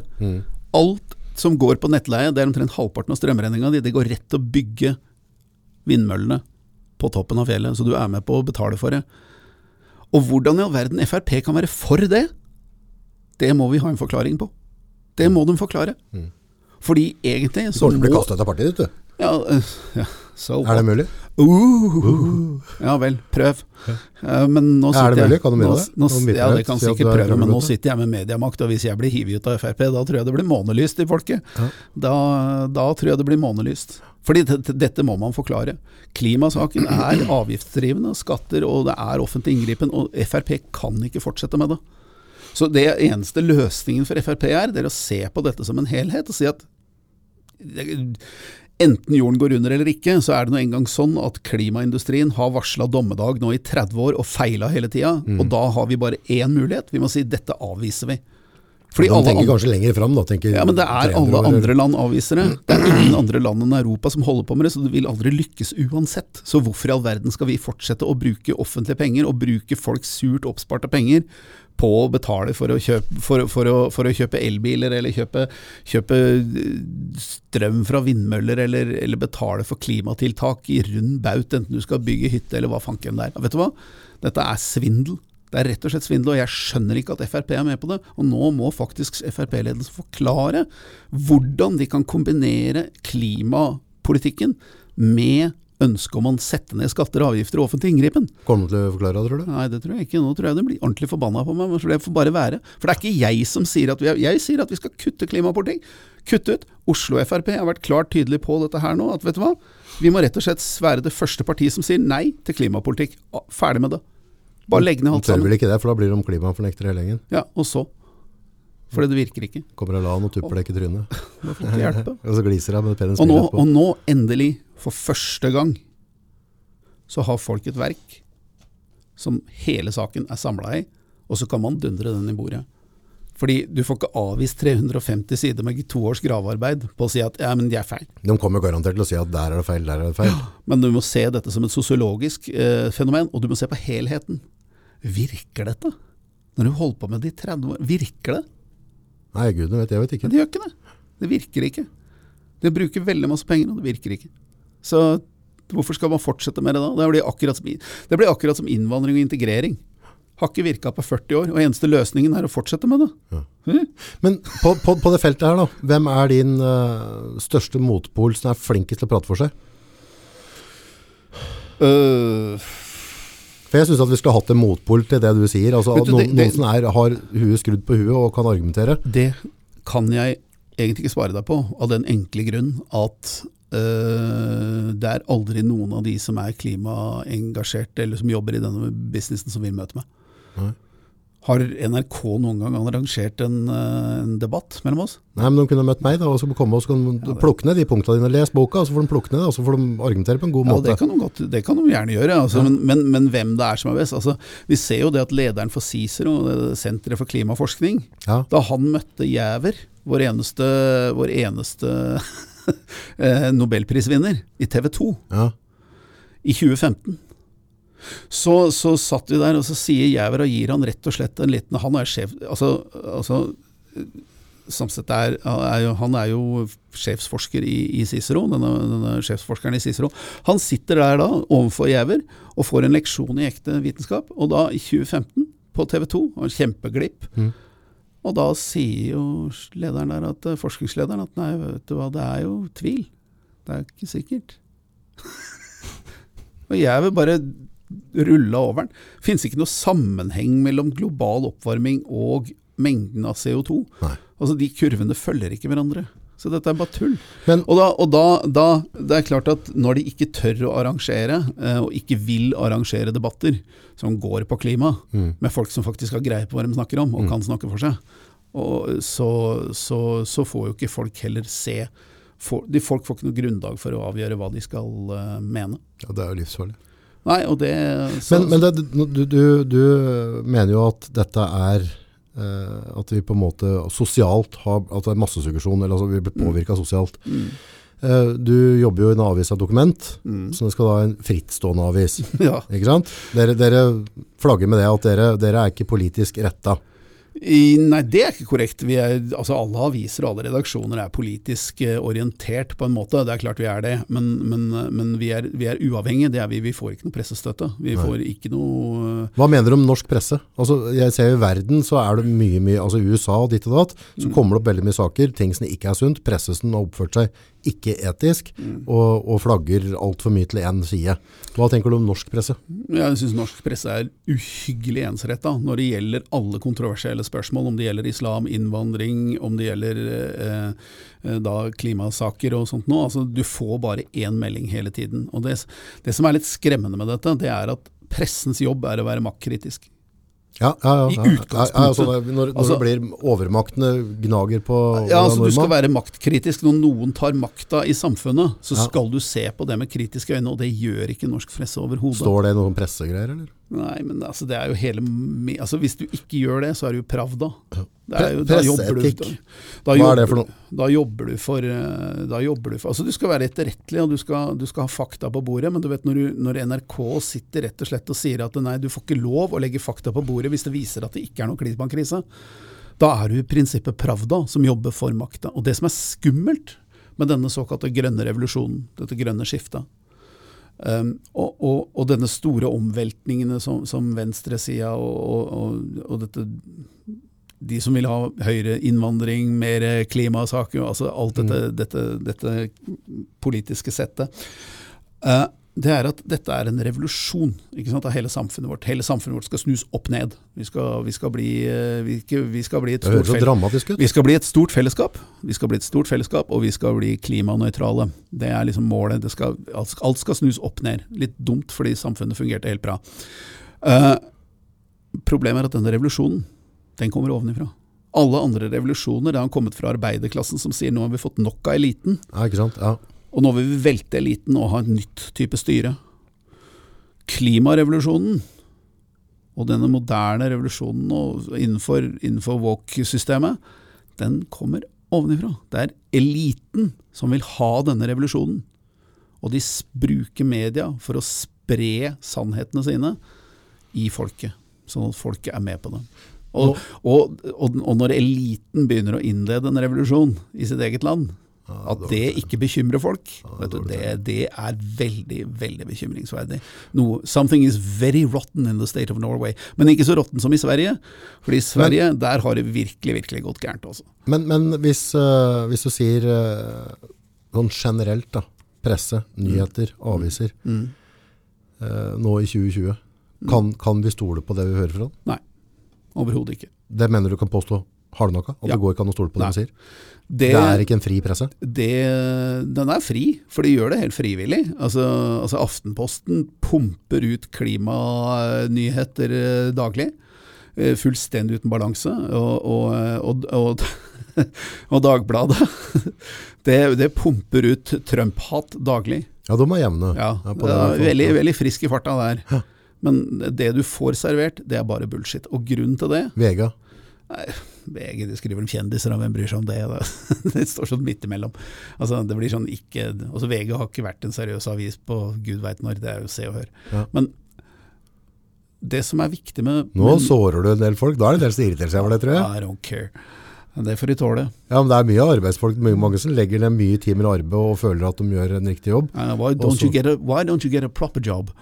Det hadde vært bedre. Det, det, for det å jobbe i en redaksjon som faktisk kritiserer makta, kritiserer maktsystemer, maktstrukturer, det er veldig veldig deilig. Og det å være journalist som jobber i en avis som sementerer eh, maktstrukturer, ja vel, da får de holde på med det, men det, det gidder ikke jeg holde på med. Og Hvis jeg tilbyr 10 millioner året. Nei. Helt uinteressant. Jeg er ikke til saks. Aldri vært. Har ikke, ikke interessert meg. Vi blir ikke rik av å jobbe document, altså. det skal gudene vite. Men hun håper håpe blir rik av den boka. Hvem vet. men altså, det som er viktig med nyheter, det er jo ikke nyhetene. Det er, ikke, det er ikke den saken der, det er ikke den saken der, det er ikke den saken der og den saken der. Det er ikke det som er viktig med nyheter. Det folk må forstå om nyheter, det er at sammenhengene mellom nyhetene. Hvorfor skjer det i forhold til det? Og hvem er det som styrer det i forhold til det? Og, og de andre avisene og andre nyhets, uh, nyhetsmediene i Norge, de leverer deg nyheter uten sammenhenger. Document eneste oppgaven vår er å trekke linjene mellom nyhetene og vise deg hvordan ting henger sammen, og hva som henger sammen. Og Så kan man si ja, konspirasjonsteorier. Og så sier jeg ja, men er alt som henger sammen, konspirasjoner?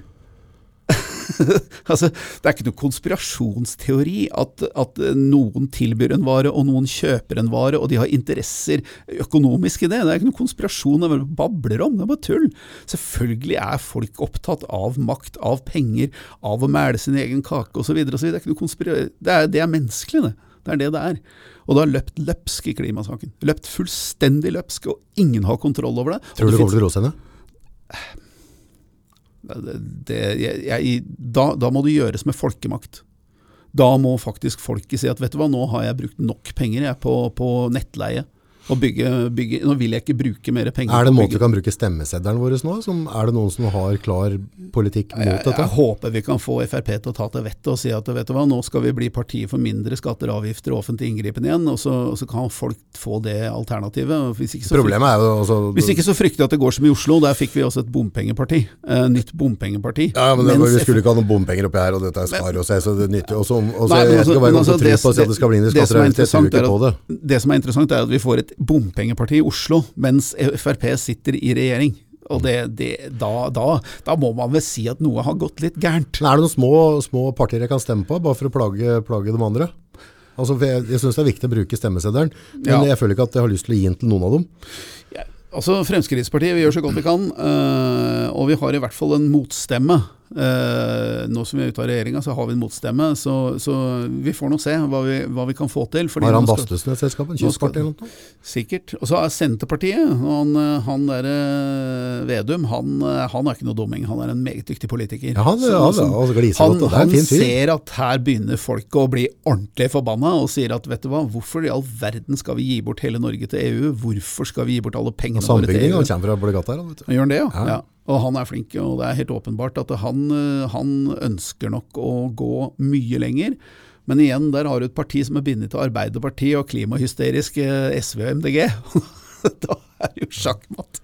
Så, um, Så han men, kommer ikke til å stoppe noe vindmøller, han men det er valg i 2021, så det kan skje mye spennende innen da. fordi da kan det være at Jeg syns det er øh, vanskelig å vite hvor jeg skal bruke seddelen min. ja, det begynner å bli veldig vanskelig for folk, fordi altså, alle partiene mener stort sett det samme. Etter at Høyre datt ned på sosialistisk side og nå fører MDG-politikk i praksis, så finnes det jo ikke noe høyreside på, no- i Norge lenger. Og det finnes ikke noe, og, og det er litt sånn pussig, fordi Det var to partier bare. ute, i, ute i resten av Europa, der er det masse nye partier. På høyresida. Altså bare i Sverige så har jo, så har jo Sverigedemokraterna blitt størst i Sverige. Ja. Mens i Norge så forholder man seg ikke til det, og så later man som om alt er som i 2013. da det hele europeiske politikken er snudd på huet. Alt er opp ned. Vi må jo få noe alternativ i politikken snart, som Ja, vi kan forholde oss til. Ja, det må vi. Og, og hvis ikke Fremskrittspartiet griper den sjansen snart, så kommer noen andre til å gripe den. Og da kommer Fremskrittspartiet til å være helt irrelevant. Så dette står litt grann om livet. Altså. Det, Det det, som er, eh, Og det, og som er og la problemet meg er si sånn, får det sier ikke jeg, det er det Carl I. Hagen som sier.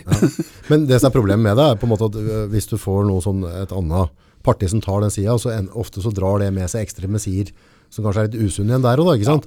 Så går det ikke an å få et parti som ikke er ekstremt, men bare, du, vi er for norske folk, vi. Ja, Ja, ferdig. Det, det Ja. er jo det Det er jo det Det er jo altså, altså Fremskrittspartiet var ikke noe globalistisk parti, det. Det var parti for arbeidsfolk. Det hjelper ikke så lenge det er det. For arbeidsfolk. Altså, det er jo der vi skal være. Og jeg, jeg mener jo det er der partiet er fortsatt.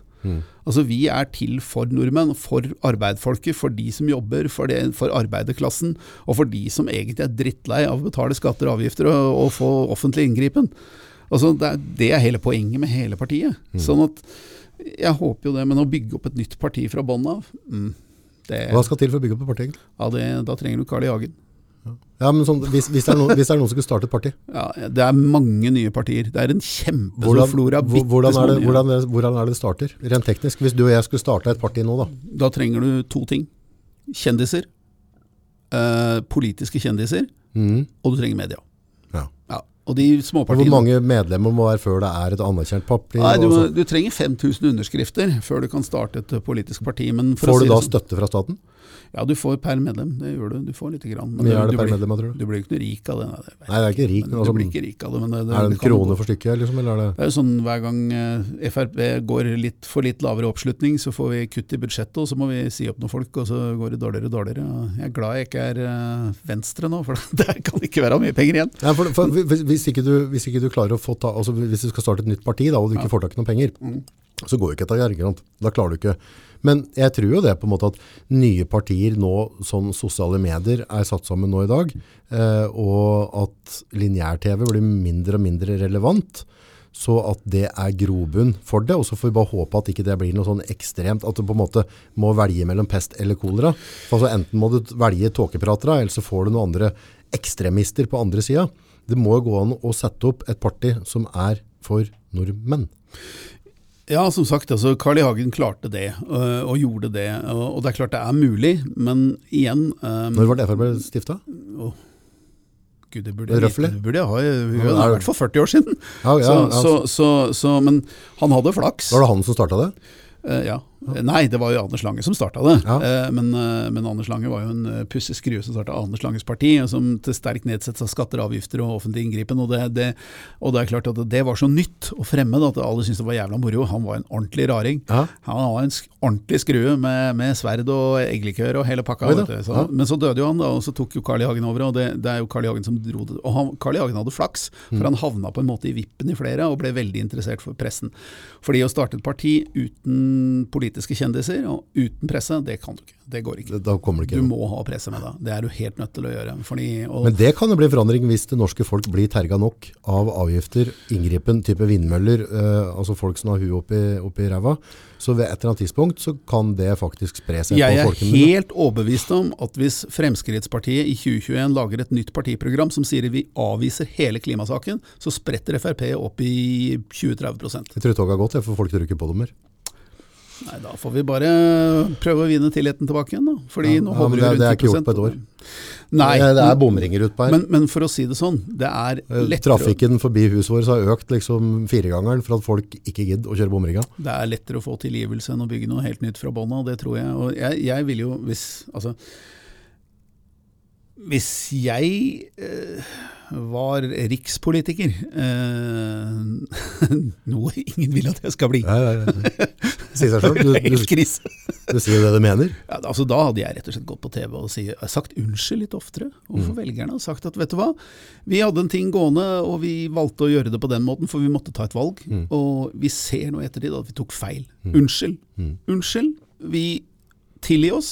Eh, nå har vi retta politikken, og nå gjør vi det sånn isteden. Fordi vi så at dette det var, det var riktig avgjørelse, mener vi, den tiden, med det vi satt med av greiene. Men, men klimasaken er død. Dette er et korthus, den kommer til å ramle. Det kommer til å ramle fra hverandre. Det er fiksjon, hele greia. Og før eller siden ramler det fra hverandre. Og da er det bedre å, å si at, vet du hva, ok, vi tok feil. Og det, det er en ærlig sak. Men nå kjører vi en ny politikk. Vi har fått en ny politikk, en ny måte å gjøre ting på. Og nå sier vi klima er helt avlyst for oss. Vi vil ikke ha noe klimatiltak. Vi skal ikke bruke en krone mer på klima i Norge, og sånn er det. Og da tror jeg et sånt parti ville spredt opp på 20-30 i løpet av veldig kort tid. Jeg tror at uh, kanskje en av de politikere som har fått mest juling opp igjen, er jo Listhaug.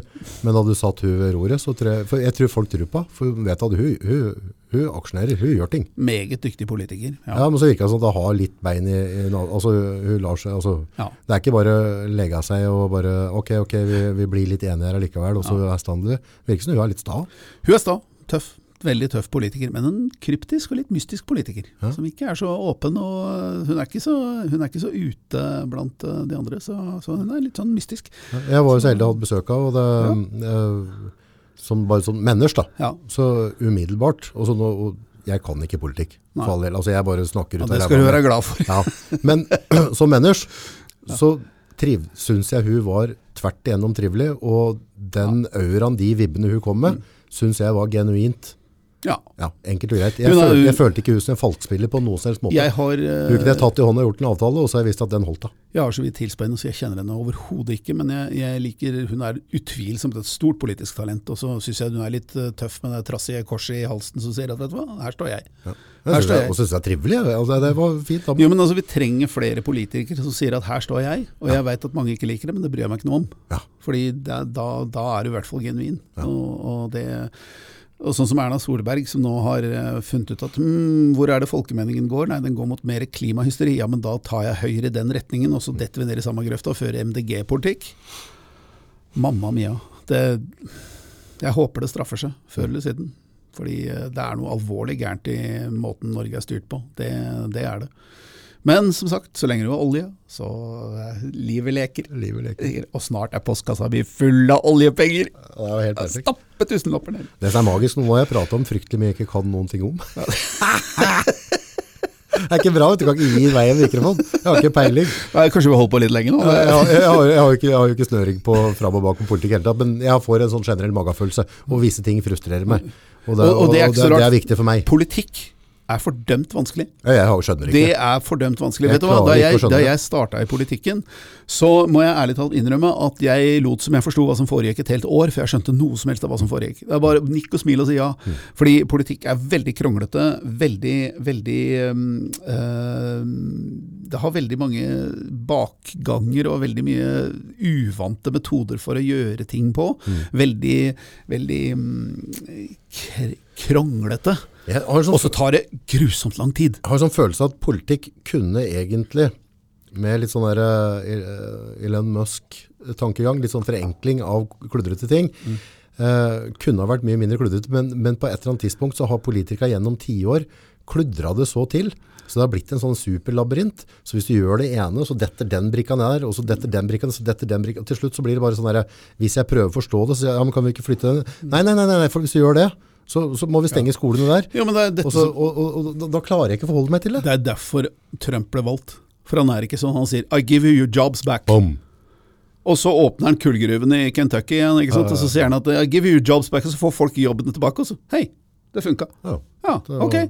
Og så blir folk rasende og syns han er dum og sånt noe. Det, det kan godt være det, men politikken hans Dette med å si at vet du hva, jeg er politiker for folka som valgte meg, jeg. og jeg skal gjøre det som er godt for dem. Hvorfor har vi ikke flere sånne? Ja, kan du si. Ja, det kan du si. Faen, tenk det valget de står foran nå. Han der andre duden, han virker jo sånn at han er senil-konfus. Han er helt Confucius. Ja, men altså, jeg, det kan godt at de har klippet det ut for at den skal se litt klonete ut, Ja. men det lille jeg har sett da, det blir sånn der, oi, oi, oi, oi, oi. Dette ble litt kleint. Det ble litt svett i hendene av å se på det, gitt. Oh, det var litt flaut. Og så har Donald Trump, da, som har hele foten i kjeft. Altså, gubben har jo gjort tydeligvis gode handler og sånn. Så, så, altså, så noe, altså det er noe hjerne på gubben. Ja. Men hvordan går det an å, å, å, å prate som han gjør? Altså, altså, Nei, det det, tar jo knekke meg helt av. Det tar Hæ? helt av. Altså, er en- sånn enkel sak får han til å kludre til Jo, ja, men det- er og, han og ler av folk og gjør narr av folk og er ordner. ikke politiker. Han er jo ikke politiker. Nei, er han var aldri politiker. Han har aldri vært politiker. Han var TV-stjerne, han. Men jeg syns det, det er litt gøy når han, eh, når han eh, driver og setter plass presse. da. Ja, nå, nå, nå. Altså, det blir sånn der i klassa vet du, sånn det var for 40-50 år siden. Ja. Stille. Nei, du fikk muligheten i stad. Du venter. Gå ut på gangen. Det det det er jo helt magisk. Så ser jeg så pressefolka sitter og får ikke stille spørsmål. Nei, får ikke stille spørsmål. Opp for det. Nei, Opp for det. Oh, it's all fake news. It's all Ja. fake news. Men som sagt, jeg er ikke så opptatt av, av han som mann, jeg er opptatt av det han gjør. Mm. Altså det, det- og det han sier og det han gjør, eh, det, det er ikke alltid sammenheng mellom det heller. Men, men, men selve politikken hans, altså den politiske kongstanken hans om at vet du hva, hvorfor i huleste skal vi gi bort alt sammen til Kina? Ja. Ja, ja, Altså hvorfor skal vi gjøre det? Hvem er, det som, hvem er det som er tjent med det? Jeg er ikke politiker. Og Erna Solberg er faktisk ikke politiker for EU. Hun er ikke valgt av FN. Norge. Eller Norge. Hun er norsk politiker. Og da får hun vær så god gjøre det som gagner alt jeg vet, så er Erna en knakende fin dame. Også jeg kjenner jeg, jeg har ikke, Ikke prata med henne. jeg vet ikke, så- så tror, ikke vi, tror ikke vi snakker med meg heller. Men så er det stygt å sitte og, så, og erte dem hele tida på en måte, men på en annen måte så, så tenker jeg det, det er sunt å prate om det. Ja, altså når du, når du påtar deg å styre et land, så må du finne deg i å bli kritisert. Jo da. Ja. Ja, det må vi gjøre her òg. Ja. Ja. Ja. Vi, vi får, vi får, du får i hvert fall passe på å skrive. Jeg får litt innimellom, ja. Kjøp boka. Den er ikke fra trykken ennå. Eh, den er, det er forhåndssalg her i gang, da får man eh, lavere pris. Uh, gå inn på, ja, Du kan egentlig bare søke klima, klima, klima antiklimaks på Google, så og Kent Andersen, så tror jeg nok det dukker opp noe. Det. Eh, så, men det er Document forlag som gir den ut. Eh, og um, ja, man kan bestille boka nå, men den kommer da fra trykkeriet i løpet av midten av neste måned, tenker jeg. Jævla fint bilde. Mm. Sånn fin solnedgang. Fint solnedgang. Vindmølle solnedgang. For nå er det snart slutt for klimasakene. Så utgangspunktet, jeg tenker om det er for eller mot det. Les boka, Ja. og så ta en egen avgjørelse, bruk eget hode. Ja. Eh, ikke ta det Kent, eller jeg, eller noen andre sier for, eh, for god fisk. Nei. Finn ut selv, sett dere inn i saken, ta et eget standpunkt. Ja. Det er vår rettighet, og det er vår plikt. Det er vår rettighet og plikt, og det er engang sånn at det finnes mennesker der ute som har lyst til å påvirke deg. Ja. Og det er ikke sikkert det de sier er sant. Og skulle det være noen der ute som er totalt uenig i deg, og har tallegaver, og kan komme med et eller annet fakta på bordet, så er de velkommen. Ja. Ja. For jeg er ikke politisk drevet, Nei. og ikke er jeg betalt. Husk, lik og del, kom med kommentarer, veldig viktig. Uh, dette er noe vi gjør uh, for at vi synes det er gøy, og Ja. jeg synes det er stas at, uh, at det frie ord kommer ut. Den supporten du kan gjøre hvis du, hvis du er en av lytterne, det er rett og slett å, å hjelpe oss å dele og like. Ja, og takk for reklamen. Det, dette var den fjerde boka, så, så ja, det er alltid hyggelig å være her. Jeg synes det er stas å besøke deg. Og så skjer det litt i feltet etterpå. Ja, det får vi da får jeg lov til å drive med i helgen. Nå går det på bok! Det! Tusen hjertelig. Tusen hjertelig takk.